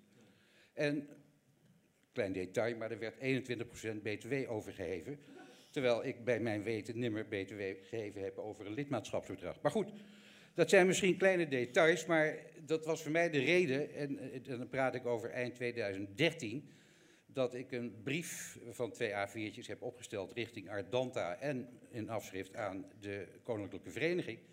Dat ik beweerd heb dat ik totaal niet eens was met deze gang van zaken. Nogmaals, ik kan die A4'tjes niet even nu snel samenvatten, maar in essentie kwam het er neer. Nou, oké, als u besluit zichzelf op te heffen dan lijkt het mij het meest redelijk dat uh, de voorzieningen die onderdeel zijn van dat uh, lidmaatschap, namelijk ook een, een tegoed bedragje wat je dus door de jaren opbouwt, keer dat dan aan de leden uit en dan ben je gewoon van dat gezeur af. Maar wat gebeurt er in onze situatie? Het wordt overgedragen aan Ardanta en uh, daar komt het eigenlijk op neer dat, daar heb ik over gebeld met een meneer Jansen van de facultatieve, en ik heb, met, uh, ik heb overigens ook de bevestiging ont ontvangen van Ardanta van meneer Habraken. Het is inderdaad helemaal correct wat u stelt. U heeft geen verzekering. Maar dan zeg ik, oké, maar ik heb in zoveel jaar heb ik een bepaald tegoed opgebouwd. Dat heb ik zwart op wit ergens in, op een briefje staan. Ik zeg, maar nu moet ik dus een verzekeringsproduct bij Ardanta continueren tot aan mijn dood, komt het eigenlijk op neer. Dus ik zeg, maar wat gebeurt er als ik nou niet dat, als ik dat niet wil doen, want ik ben nooit verzekerde geweest. Nou ja, dan kunt u het eh, annuleren. Ik zeg, maar wat gebeurt er met die tegoeden? Ja, sorry, die bent u dan kwijt. Ik zeg, wat? dus, nou, dat vond ik dus een, een ontzettend rare gang van zaken. En ik zei, ja, maar ik ben het er absoluut niet mee eens. Ik zeg, want in feite betaal ik dan mijn eigen korting. He, dus stel dat ik nog tien jaar te leven, ik noem maar wat, he, dan is 250 euro. Nou, het ging om een korting voor mijn vrouw van 210 euro of 202 en voor mij 160. Het gaat maar om kleine bedragen. Nee, mijn beeld is duidelijk. Maar ik dacht, ja, die, die vereniging, daar zaten meer dan 100.000 leden. En dan gaat het ineens om groot geld. En nou, weigering dus ontvangen uh, van meneer, uh, als u, respecteren het als u niet met ons door wil, oké, okay, maar korting verkeken. Nou, toen ben ik knarsetanden, heb ik even mijn mond gehouden. Nou komt er iets anders. Mag ik even nog... Ik voel wel een beknopte versie in het tweede gedeelte aankomen. Mijn uh, schoonmoeder van 92, die komt met haar administratie aan, omdat ze het zelf niet meer zo goed aankomt. Die is lid vanaf 1943 en die krijgt van Ardanta te horen dat haar korting, dat ze dus niet meer het lidmaatschapsgeld hoeft te betalen, want de doelstelling is bereikt. Dat is een brief een jaar later dan de discussie die ik dus daarvoor had gevoerd. Dus zij hoeft nu niet meer te betalen, maar de korting van haar bedraagt nog 80 euro. Ik denk zo, ik had recht op 202, terwijl ik een stuk jonger ben dan mijn schoonmoeder. Zij is twee keer zo lang lid. En op een of andere manier is dat te goed afgewaardeerd naar 80. Nou, is dat de schuld? Hè? Nou ja, goed. De vraag, hebben het beeld. De vraag is, wat heeft de vereniging afgesproken bij de verkoop of overdracht van die portefeuille? Welke afspraken zijn er gemaakt met betrekking tot de waarborging van die opgebouwde tegoeden voor de leden? Dus dat is een antwoord wat ik graag wil hebben. En eh, nou ja, over de rechtmatigheid van overdracht en het eventueel afwaarderen, wat de rol erin van Ardante ASR is, kan ik even nu geen uitspraak over doen, maar het stinkt aan alle kanten. En nog Dat lijkt me een geweldig mooie laatste zin. Dat lijkt me een geweldig mooie laatste zin. Ik ben heel erg blij, want ik heb toen contact opgenomen met de, met de Consumentenbond. Het hele verhaal uitgelegd. Mensen waren niet geïnteresseerd. Ja, en op dat moment voel je een beetje machteloos. Dus te meer was ik blij dat Erik met zijn verhaal van FDM naar buiten kwam. En ik denk dat dit het moment is om door te pakken. Mooie laatste zin. Geef ze alle drie een warm applaus. Dank jullie wel, alle drie. Ehm, ik zeg even tegen u, eh, eh, ik kijk even Jonathan. We zijn er nog niet, maar gaat het eh, goed bezig? Hou dat vast. We gaan de afrondende fase in. Ik heb uw vinger gezien, daar ga ik eigenlijk nu Mag, meteen... mag ik nog heel even inbreken Ga je op, gang. op dit moment? Want het is, het, is, eh, het is natuurlijk fascinerend om te horen dat, eh, eh, eh, dat meneer eigenlijk lid is van de vereniging en eigenlijk ongemerkt eigenlijk eh, die verzekering eh, polis dan heeft. Eh, wat, wat je terugziet in, in de argumentatie zeg maar, om, om de verzekering te, te verkopen, is onder andere het gegeven van nou, de leden die, of de mensen die een verzekering hebben afgenomen, die, zijn toch geen echt, echt lid. En die voelen helemaal niks bij, bij, bij de, de Koninklijke Vereniging. Die hebben er eigenlijk geen, geen enkele binding mee. Dat is een van de redenen waarom we ze eruit kieperen.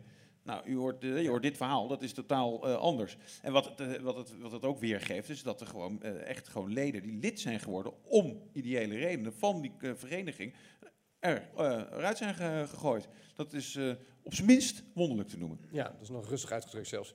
Ehm, deze mevrouw, komt u even staan? Zegt u even wie u bent? Nou, ik ben eh, Monique Sparla. Ik heb een vraagje. Ehm, wat is nou precies de data van het delict wat er gepleegd is? Want dat is namelijk heel erg belangrijk. Want in Nederland hebben we een wetgeving die zegt dat er een beperkte houdbaarheid is aan die strafdaad. Dus het kan heel goed zijn dat iedereen hier heel erg.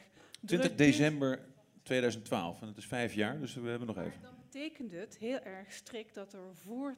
Dus er, er moet echt. eh, al die dingen die er gebeuren, moeten voor 20 december. eh, bij, de officie, bij de politie, bij de officier van justitie aangemeld worden. Want anders verjaart het en dan is het helaas pindakaas. En dan heeft meneer. Eh, dan is het gelegaliseerd. Zo streng is het gewoon. Dus denk daarover na. Dat moet echt Mag u vragen, wat doet, wat doet u in het dagelijks leven, mevrouw? eh, gewoon. eh, idee, nou ja, echt, u komt deskundig over dat ik denk, goh, wat... Nee? Doet er niet toe. Heel schimmig. Politiek betrokken. Maar kunt voor de rest niks zeggen. Oké. Ehm, dat is wel even belangrijk iets. Laten we dat even oplossen. Ik zag dat meneer Lakenman onmiddellijk de benen strekte. Ja, nou, de, de strafbare zaken die hebben een eh, langere verjaringstermijn in het algemeen. En een civiele eh, verjaring, dus van civiele claims, die begint pas te tellen wanneer het slachtoffer dus bekend is met de wijze waarop die eh, is eh, behandeld, eh, de schade die die heeft gelopen en de dader. Nou, dat is eigenlijk pas een paar weken bekend op zijn gunst. Dus die, de verjaring van de leden, voor zover die beschadigd zijn, en is, is dus eh, geen probleem. Goed. Ja, ik zie daar een vinger. Laten we maar meteen een paar vragen doen. Nog Even achterlangs. Dag meneer, ik hou hem vast voor u, service van de zaken. Wie bent u? Willem Schuddeboom. Ik heb een vraag over de overdracht van de portefeuille van de facultieve verzekering NV, wat een echte verzekeraar was, naar Ardenta. Daar moet de Nederlandse bank toestemming voor hebben gegeven. En als ik me goed herinner, moeten polishouders tenminste driekwart hebben ingestemd met de overdracht.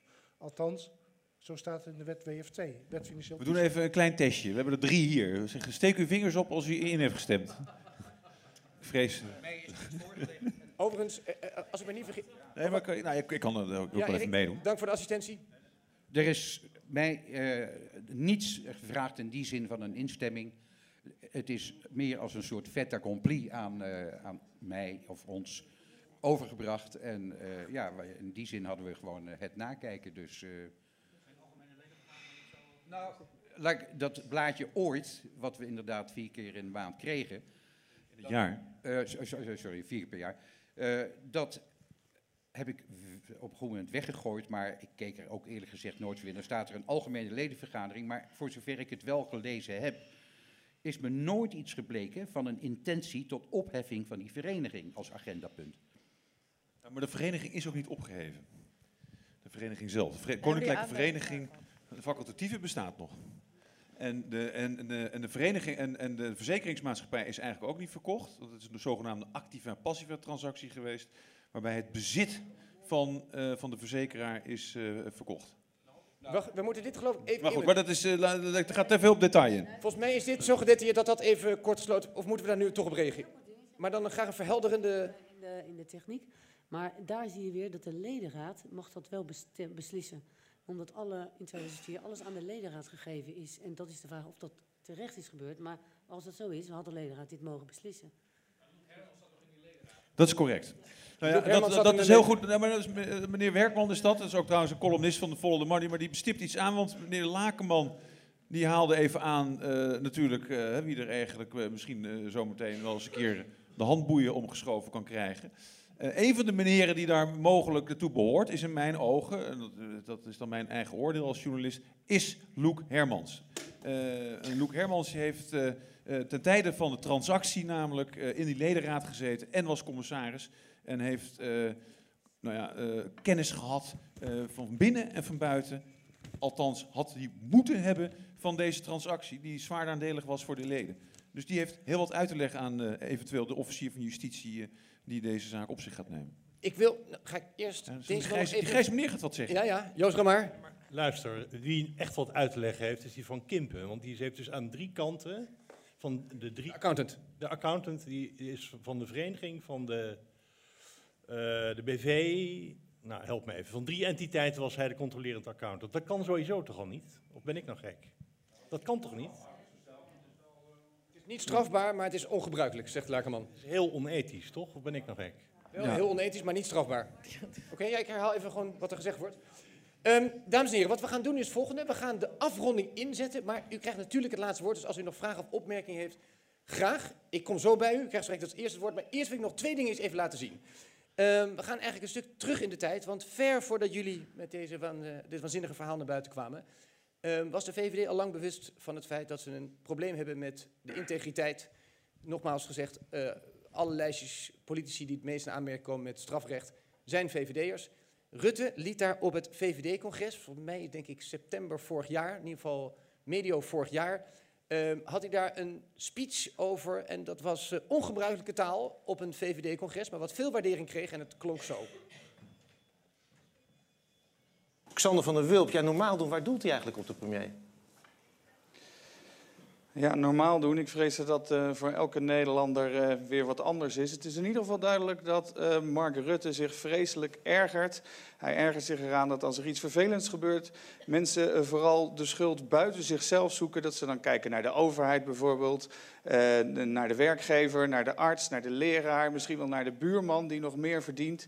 Daar ergert hij zich aan. Eh, mensen durven niet te kijken wat ze zelf fout hebben gedaan. Dat is in ieder geval de tendens die Mark Rutte bespeurt. Zijn speech was eigenlijk één grote aanklacht tegen asociaal gedrag, tegen de ikke, ikke, ikke en de rest kan stikken mentaliteit die hij ziet in Nederland. Beste mensen, waar we ons denk ik het meest aan ergeren zijn al die gevallen van hufterigheid, van egoïsme. Die mensen die alleen geloven in het grote, dikke ik. Het gaat ook verder dan alleen Ja, strafrecht. Hè? Nou, dat, dat zei Bas Haan ook heel mooi in een tweet. Dat het bijna pervers is om alleen maar naar het strafrecht te verwijzen. Want het gaat ook gewoon om moreel gedrag. Of wat Bas Haan is de, de, de, de- Ah, van journalist van Nieuwsuur die zeg maar, de, de bonnetjesaffaire heeft onthuld. Tevendeal, ja. Want dat is nu ook zo flauw wat Rutte deed bij het vorige congres. Van, hè, zolang je niet veroordeeld bent, ben je niet schuldig. Maar je kan wel op een gegeven moment zeggen van... Goh, het is gewoon moreel verwerpelijk wat hier is gebeurd. Daar kan je als partij ook een oordeel over hebben. En je moet dat- daarmee ook zeggen, de, grenzen voor ons politie zijn niet alleen het strafrecht, Nee. maar ook gewoon de morele Ja. grenzen van wat wij wel niet Ja, en zeker als je het hebt over dikke ik. En hij, maar het werd ook een follow-up gegeven, want er kwam dus een integriteitscommissie. en toen was er het programma eh, Politicologie. Je had dat media, Medialogica, had je. Dat was een follow-up, was eh, een serie over politiek. Ehm, daar ging één aflevering specifiek over de VVD. Die andere aflevering ging overigens ook over allerlei andere partijen. Die aflevering bij de VVD is interessant, eh, namelijk in die zin dat de makers, ik heb er een paar gesproken, eh, eindeloos veel VVD'ers eh, wilden spreken. eh, echt tientallen. Niet één wilde eh, voor de camera eh, verschijnen, maar eentje wel. En daar komt hij. Ian Dales, die zei in 1992, een beetje integer bestaat niet. Bent u het met die uitspraak eens? Volledig. Waarom? Ja, dat is net als zwanger zijn. Je bent het of je bent het niet. Je bent integer of je bent het niet. Je kunt niet een beetje eh integer zijn. Je bent het of je bent het niet. Ja, ehm, ik wil even, deze kant op lopen. En dat doe ik omdat hier namelijk Geert Dalen zit, voormalig wethouder Amsterdam, lokale burgemeester. En ik heb eh, op het stadhuis gewerkt toen u een gedeelte van uw periode als wethouder daar. En als er eentje druk bezig was met, integriteit, soms tot vervelens aan toe, moesten we weer een of andere training of cursus zien, dan was u het. Dus ik vind het extra leuk dat u hier bent. Ik, eh, maar ik wil u toch even vragen hoe u dit, ja, zo'n avond of deze hele affaire ook gewoon beleeft als hartstochtelijk VVD'er. Nou, dan heb ik nieuws voor je. Dat ben ik al een hele tijd niet meer. Zeker nieuws, inderdaad. Ehm, ja, ik ben al heel lang niet meer eh, lid van die partij, want ik wilde daar niet meer bij horen. Ehm, en ik moet eerlijk zeggen, dat heeft mij heel veel moeite gekost, want ik heb heel lang eh, eh, activiteiten ontplooid in het kader van de VVD. Ehm, maar er was zoveel gebeurd en het was lang voordat de keizeraffaire speelde, dat ik dacht, hier, eh, ik, ik hoor hier niet meer bij, dus ik heb opgezegd. Eh, toen ben ik, eh het was nog wel geestig, op enig moment gebeld door Henry Keizer. Die ik overigens niet kende, dus ik, was ook wel, ik vond het ook wel vermakelijk dat het, niemand kent hem. Ik liep toch ook al decennia mee in die partij. Ik heb die man nog nooit ontmoet. In zijn cv, dat vond ik ook nog geestig, las ik dat hij zich etaleert als lid van de commissie Liberaal Manifest Den Haag. Nou was ik de voorzitter van de landelijke commissie Liberaal Manifest. Maar ik heb die keizer nooit ontmoet. Want ik weet zeker dat als je hem ontmoet hebt, vergeet je het niet. Dus, eh, maar goed, lang verhaal kort te maken. eh, ik wil er niet meer bij zijn en ik ben eigenlijk wel... Ja, ik vind het allemaal verschrikkelijk wat hier gebeurt. Eh, maar deze verhalen, ik heb het allemaal gelezen. ik vond het echt indrukwekkend. Ik raakte er ook opgewonden van. Ik werd er ook heel boos om. Maar het heeft me enorm bevestigd in mijn gevoel dat de keuze die ik gemaakt toch echt wel een goede was. Eh, lang voordat dit gebeurde, maar nu weet ik zeker dat, dat dit echt niet in de haak is. De manier waarop de VVD ermee omgegaan is, vond ik ook nergens op lijken.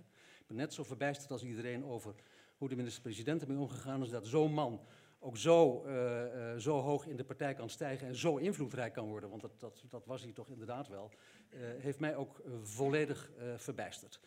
Ehm, nog even dan heel kort, eh, die integriteitskwestie eh, in het algemeen is natuurlijk een ontzettend belangrijk punt. Eh, de VVD heeft hier veel last van. Dat komt natuurlijk ook wel omdat zij groot zijn, veel mensen hebben. Nou, dan heb je natuurlijk ook veel gedonder, dat, dat, is, dat is wel logisch. Er wordt ook wel eens gezegd, ja, maar in de VVD zijn veel mensen uit, uit het bedrijfsleven, ondernemers en zo, waarmee de suggestie wordt gewekt alsof de moraal daar een stuk lager zou zijn dan in de politiek. Nou, daar ben ik niet van overtuigd. Bewijs is zeker niet geleverd. Het zit hem ergens anders in en ik denk dat de VVD er heel goed aan doet om daar nou eens diep, diepgaand bij stil te staan, zonder angst die vraag te stellen. Eh, want anders komen ze hier niet meer van af en dan wordt dit eh, alleen maar erger. Dus de reflexen die ze nu gehad hebben, daarvan zou ik, als ik de VVD nog zou mogen adviseren, maar ja, naar mij wordt overigens helemaal niet meer geluisterd hoor, want je wordt geëxcommuniceerd, hè, je hoort er niet meer bij, je kwam Rutte nog tegen, die ontloop je dan en eh, allemaal reuze, reuze kinderachtig en pijnlijk. Maar dit is het enige waar- waarvan ik denk dat de VVD er nog uitkomt, heel grondig, heel open, keihard dit gaan doorgronden en eh, heel hard ook gaan afrekenen hiermee, anders is het een doodlopende weg. Ehm, mag ik nog één vraag stellen, meneer hier voor me? Eh, eh, want ik begrijp, u was de directeur van het verzekeringsbedrijf. En u bent dus ook degene geweest die die affaire van mevrouw Niglijn, heet ze denk ik, heeft opgebracht. Eh Volle de Munny heeft dat opgeschreven. Ik vond dat na de hoofdcasus eigenlijk nog het meest chockerende, dat daar voor een half miljoen, weliswaar nog guldens, maar het was toch een half miljoen, eh, dus ten onrechte gedeclareerd. Dus een soort eh, Penelope eh, Fillon avant la lettre, zullen we maar zeggen, voor niet geleverde dienst. Ehm, een hele ernstige beschuldiging, waar, waar u melding van gemaakt heeft. En daar is toen niks mee gedaan, maar de bonnen hebben we nog niet gezien.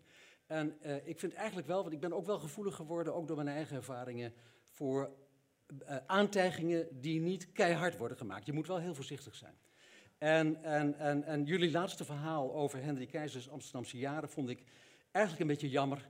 Want een tandarts die drie deuren verderop laten kletsen over dubieuze figuren die je in en uit ziet gaan zonder dat daar namen bij worden genoemd, dat moet je volgens mij niet doen. Want dan beschuldig je iemand die zich daar niet meer tegen kan verweren. En dat zou mijn vraag aan u ook zijn. Die bonnen van die mevrouw Nick Line, als je die dan nog boven water brengt, dan is het schandaal, dan is het schandaal compleet. Dat was helemaal, het verhaal was helemaal compleet. hè, dus daar hoeft hij ook niet aan te twijfelen. Er is nog een... een, een Waar zijn die papieren helemaal dan? Ja, dat, dat, dat hebben we toen allemaal uitgezocht. Dat, dat, ik, dat heb jij denk ik ook wel. Dat, eh, maar- Dat, dat, dat, dat zit in het, eh, eh, dossier van... dat, ja. U wilt nog wat aanvullen? Nou, ik, ik weet nog wel dat er ook eh, bij, het crematorium Dieren de directeur daar ook eh, iets over heeft gezegd. En daar ging nog 6000 gulden per maand nog naar haar toe. Dat is een soort... Het antwoord op de vraag is, de bonnen zijn er. En overigens werd het verhaal van de heer De Zoete bevestigd door een, een, een andere eh, eh, klokkenluider, die wij ook hebben gesproken uitvoerig. En, nog, eh, en eh, die één op één dit verhaal bevestigde van, van wat de heer De Zoete heeft Nee, reden te meer, ook voor de VVD, om daar ook korte metten mee te maken. Dit kan zo nu doorgaan. Er is nu over, over hoe heet die, in, Jacques Tichelaar in Drenthe een hoop fus gemaakt over, over zijn wachtgeldregeling. Van je moet me afzien wat, afvragen wat dat dan precies is. Dat is ook niet goed, maar dat is nu klein grut bij wat hier gebeurt. Er zijn zoveel mensen inmiddels afgemaakt in de politiek om details, waar Mark Verheijen een goed voorbeeld van is. Want ik vind het echt heel ernstig hoe daarmee omgegaan is. Hoe überhaupt in de VVD met een Ton Elias is omgegaan, hoe met een onderhoes is omgegaan. En zo kan ik nog een hele reeks mensen noemen. En dit soort zaken worden dus een beetje weggelachen en door de minister-president daar in eh, Brussel eh, eh, afgedaan als we moeten er nog even naar kijken, maar verder zal het allemaal wel goed komen. Eh, dit kan echt zo niet doorgaan. Dus eh, nogmaals, mijn advies aan die partij. Graaf er heel goed, heel diep in. Ruim die rotzooi op. En anders kan je beter maar ophouden met die partij. Want dan gaan de mensen denk ik uiteindelijk toch allemaal weglopen. Ooit zullen de mensen dit niet meer accepteren. Tot zover, ja. Ik zie u. Laten we gewoon. eh, dank. Ehm, ik ga, er is één eerder en dan kom ik daarna naar u toe. Dat was deze meneer, die kennen wij. Maar zeg toch maar even wie u bent. Eh, Bart de Koning, ik maak voor Vrij Nederland de jaarlijkse politieke integriteitsindex. Dus ik durf die VVD'ers. Eh, ze zitten nu op 22 strafbladen sinds Mark Rutte er zit. Eh, voor 2007 was er bijna niks. Sindsdien is het eigenlijk met een gemiddelde van twee keer per jaar. Er zijn nu nog drie lopende strafzaken als we dit even meetellen. Ehm, wat mij opvalt ook is dat je dus nu het komisch duo Loek Hermans ehm, en mevrouw Duttler hebt. Die waren ook toezichthouder bij de COA, het Centraal Orgaan Asielzoekers. En daar is ook mevrouw Noorten Albayrak, ook een VVD'er, strafrechtelijk veroordeeld. En dit is de derde keer dat Hermans nat gaat, hè, want bij Mea Vita is het ook fout gegaan. En als ik dan lees dat Mark Rutte de beide dochters van Hermans eh, ook nog inzet als... Het gaat steeds meer op Trump lijken. Ja, maar serieus, ik heb ook toen ik met die lijst kwam, een paar jaar geleden kwam Schippers met er zijn krachten aan het werk tegen. Dat zijn gewoon complottheorieën. Niks krachten, we hebben gewoon een deadline. En dat jullie 22 strafzaken hebben, ja, dan is er altijd wel ergens glazer. Omdat ze altijd in hoger beroep gaan. Dus iedere VVD'er komt drie keer langs. En want de Hoijmaiers pikt het niet, dan gaat hij nog een keer het Hof, hup, de Hoge Raad. Dus die 22 keer drie. Ehm, ja, en je krijgt dus het verdacht maken van journalisten. Ook heel Amerikaans. hè, Van ja, dat is broddelwerk en zo oppervlakkig onderzoek. Je denkt, nou, je moet godverdomme maar lef hebben. Je hebt zelf nog niet eens het cv van die man opgevraagd. Ik bedoel, die twee daar hebben al meer tijd gestoken in het natrekken van Keizer dan de VVD ooit gedaan heeft. En Dankjewel. Dankjewel, tot zover.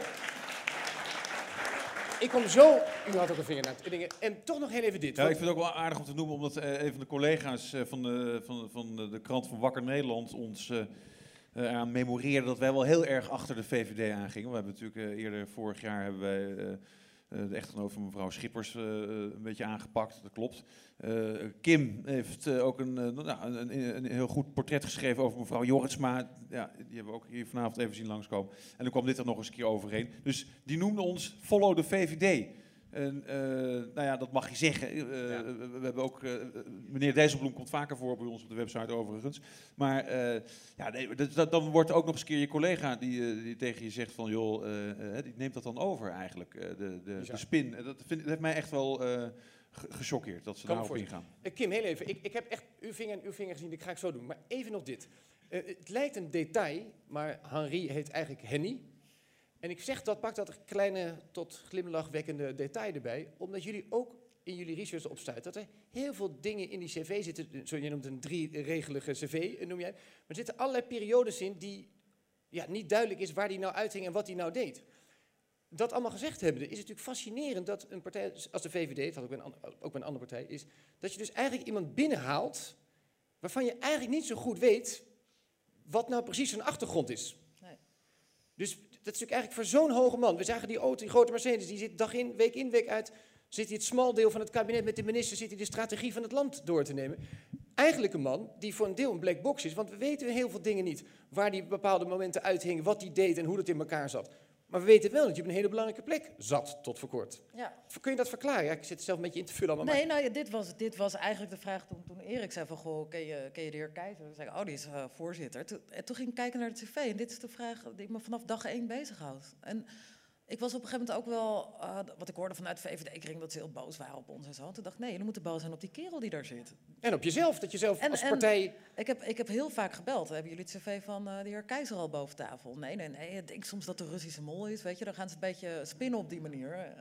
En ik zei, nou nee, maar weet je, ik zou me ook zorgen maken. Dat, nou ja, ik vind het zorgelijk dat ze eerder journalisten aanvallen. Dat zie je inderdaad bij Bas Haan ook met de hè, Ja. Teleteven-deal, als je dat boek leest.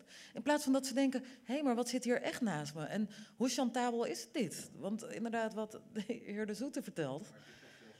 Hoe gaat hij in de VVD tekeer, deze man? We weten het gewoon niet.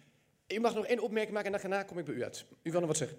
Hij heeft hard gewerkt, als ik zo begrepen heb, eh, binnen de VVD, een aantal dingen gedaan, dag en nacht bereikbaar.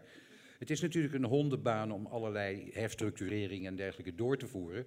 Hij doet het en daarmee krijgt, eh, kweekt hij credits op en dan zijn ze hem dankbaar. Dan zullen ze ook niet makkelijk afvallen, denk ik. Ik denk dat het gewoon zo simpel is als zo. Nee, maar bij de VVD hoor ik ook veel geluiden. Anoniem weliswaar, trouwens niet alleen maar anoniem, maar dat inderdaad, nou ja, dat het democratisch gehalte van de partij ver te zoeken is. Dus op zich, op zich is wel enige ironie Dus ik dat, bedoel, dat je ja, dus... je kan je dan wel vragen, wat, wat voor een partij heb je dan eh, Maar eh, uiteindelijk Het is natuurlijk eigenlijk wel ironisch dat de, dus een partij op zijn minst niet precies wist wie ze binnenhaalde. Maar als deze man deze functie niet had geambieerd en ook had vervuld, dan was deze zaak waarschijnlijk nooit boven tafel gekomen.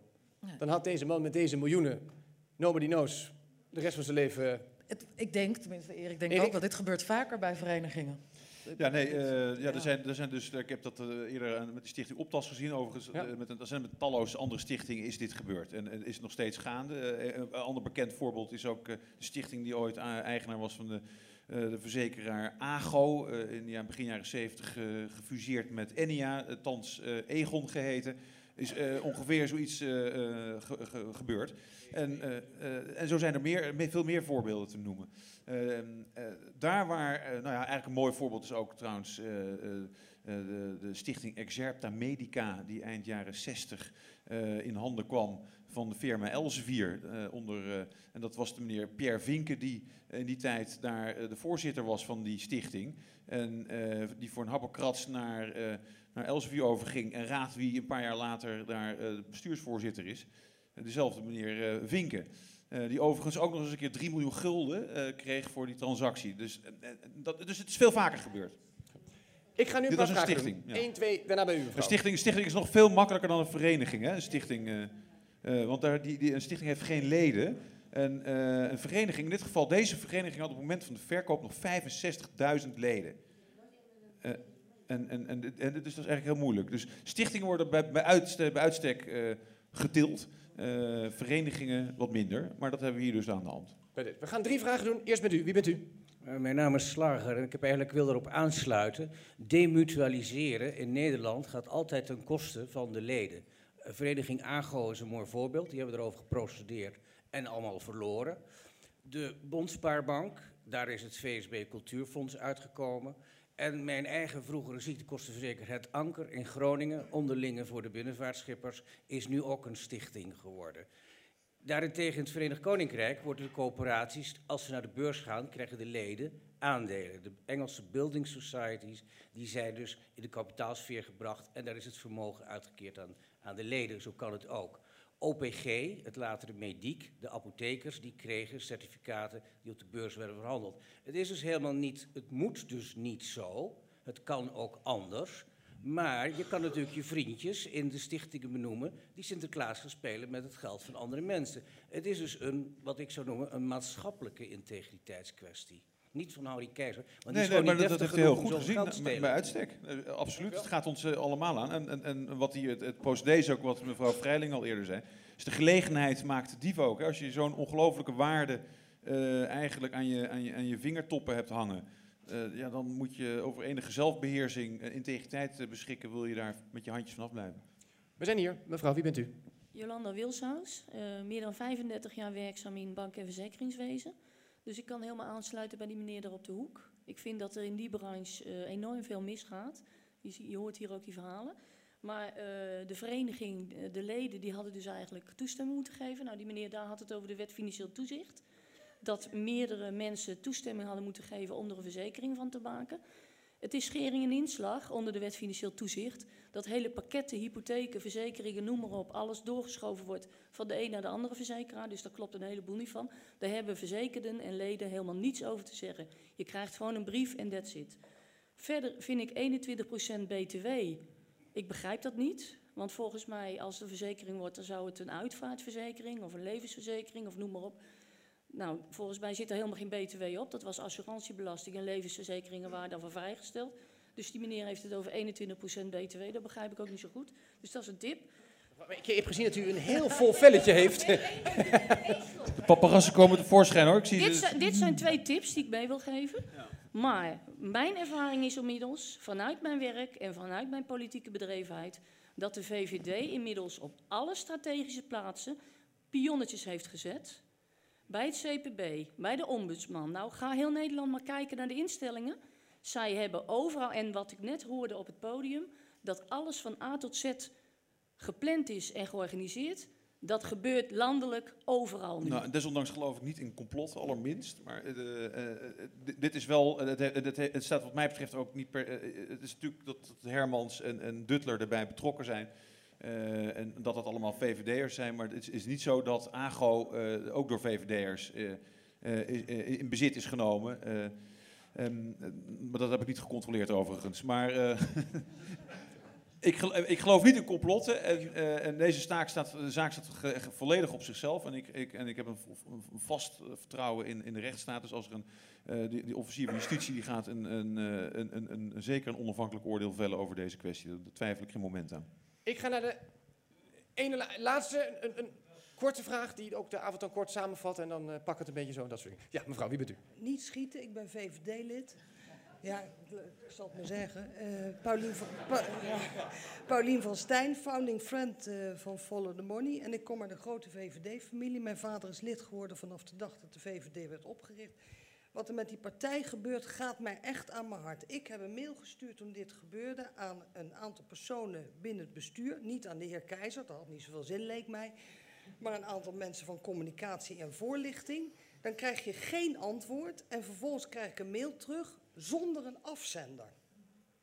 Dus, een onbe dus de, de afdeling, hupse flupse, geeft u antwoord. Ik zeg, ik vind dit onbeleefd, ik wil tegen u praten als persoon. Dan hoor je weer niks en vervolgens krijg je door, ja, u zit bij ons niet op de goede afdeling. Wij sturen uw mail door naar de afdeling integriteit. Ik heb ever sinds niets meer van mijn eigen partij gehoord. En sinds de partijbaronnen zijn afgeschaft, is dit begonnen binnen de VVD. Want die partijbaronnen moesten weg. Ik heb ze gekend, u heeft ze gekend. Want die hadden te veel macht. Die zijn doelbewust buiten beeld gezet om dit te laten gebeuren. Het is een grote schande. Ik zo'n moedige bijdrage dat u een consumptiebon van mij krijgt. Alsjeblieft. Ehm, laatste vraag. Laatste vraag. Het is een opmerking. Er is namelijk ooit iemand op de VVD gepromoveerd, heel lang geleden. En dat is niemand minder dan Ruud Kolen, jarenlang voorzitter van de Partij van de Arbeid. Ik heb dat proefschrift nooit gelezen, maar wel stukken erover. En dat is volgens mij wel voor jullie het herlezen waard. Als ik me goed herinner, is een van de strekkingen dat de VVD een, het politiek vehikel was van een aantal belangengroepen die daarmee hun eh, belangen, bijvoorbeeld de makelaars, notarissen. En de VVD is ook heel lang een partij geweest van de verzekeraars in Nederland. Denk maar aan de oude G. Zoutendijk. Dus die, die kwamen eh, in de, die gebruikten de politiek als, eh, om, om voor hun, de, de belangen van hun groep op te komen. Wat denk ik nieuw is aan dit verhaal, dat, dat, dat, dat doet natuurlijk iedere politieke partij. Wat nieuw is aan dit verhaal is dat eh, eh, steeds meer mensen gewoon de politiek gebruiken om hun eigen zakken te vullen. Dat, eh, bedoel, dat heeft niet alleen eh, Visser gedaan, dat hebben er meer gedaan. Of Keizer gedaan, maar hebben er meer gedaan. Bij deze, dank voor Ik, deze. ik, ik wil ook nog even reageren op het, het, het Ja. verhaal van mevrouw Van Stijn. Want ik ben zelf ook, kom uit een VVD-gezin. En ik heb mij ook mijn hele leven lang, eh, tot eh, zeven jaar geleden, VVD gestemd. Op één jaar na in 2003, toen ik eh, als protest op de SP stemde vanwege de Irak-oorlog. Maar dat even terzijde. Ik, ben echt, ik, ben, ik, ben een, ik voel dat ook echt. Ik ben een liberaal in hart en nieren. En wat mij omgaat is dat dit een casus is ook. En eh, als je vraagt waar word je door, als journalist door gedreven, is dat hier gewoon eh, iemand wordt, eh, tot, tot de absolute macht doordringt die zich voorstelt als ondernemer. En een ondernemer in ons land, een succesvol ondernemer notabene, zou je van verwachten, die is met, echt met prestaties is die daar gekomen. Dat is, dat, is eh, dat is meritocratisch. En ik geloof in dat mer- meritocratische principe, dat mensen eh, gelijke kansen krijgen en op die manier eh, zich een weg eh, naar boven kunnen vechten in onze samenleving. Dit heeft daar niets mee te maken.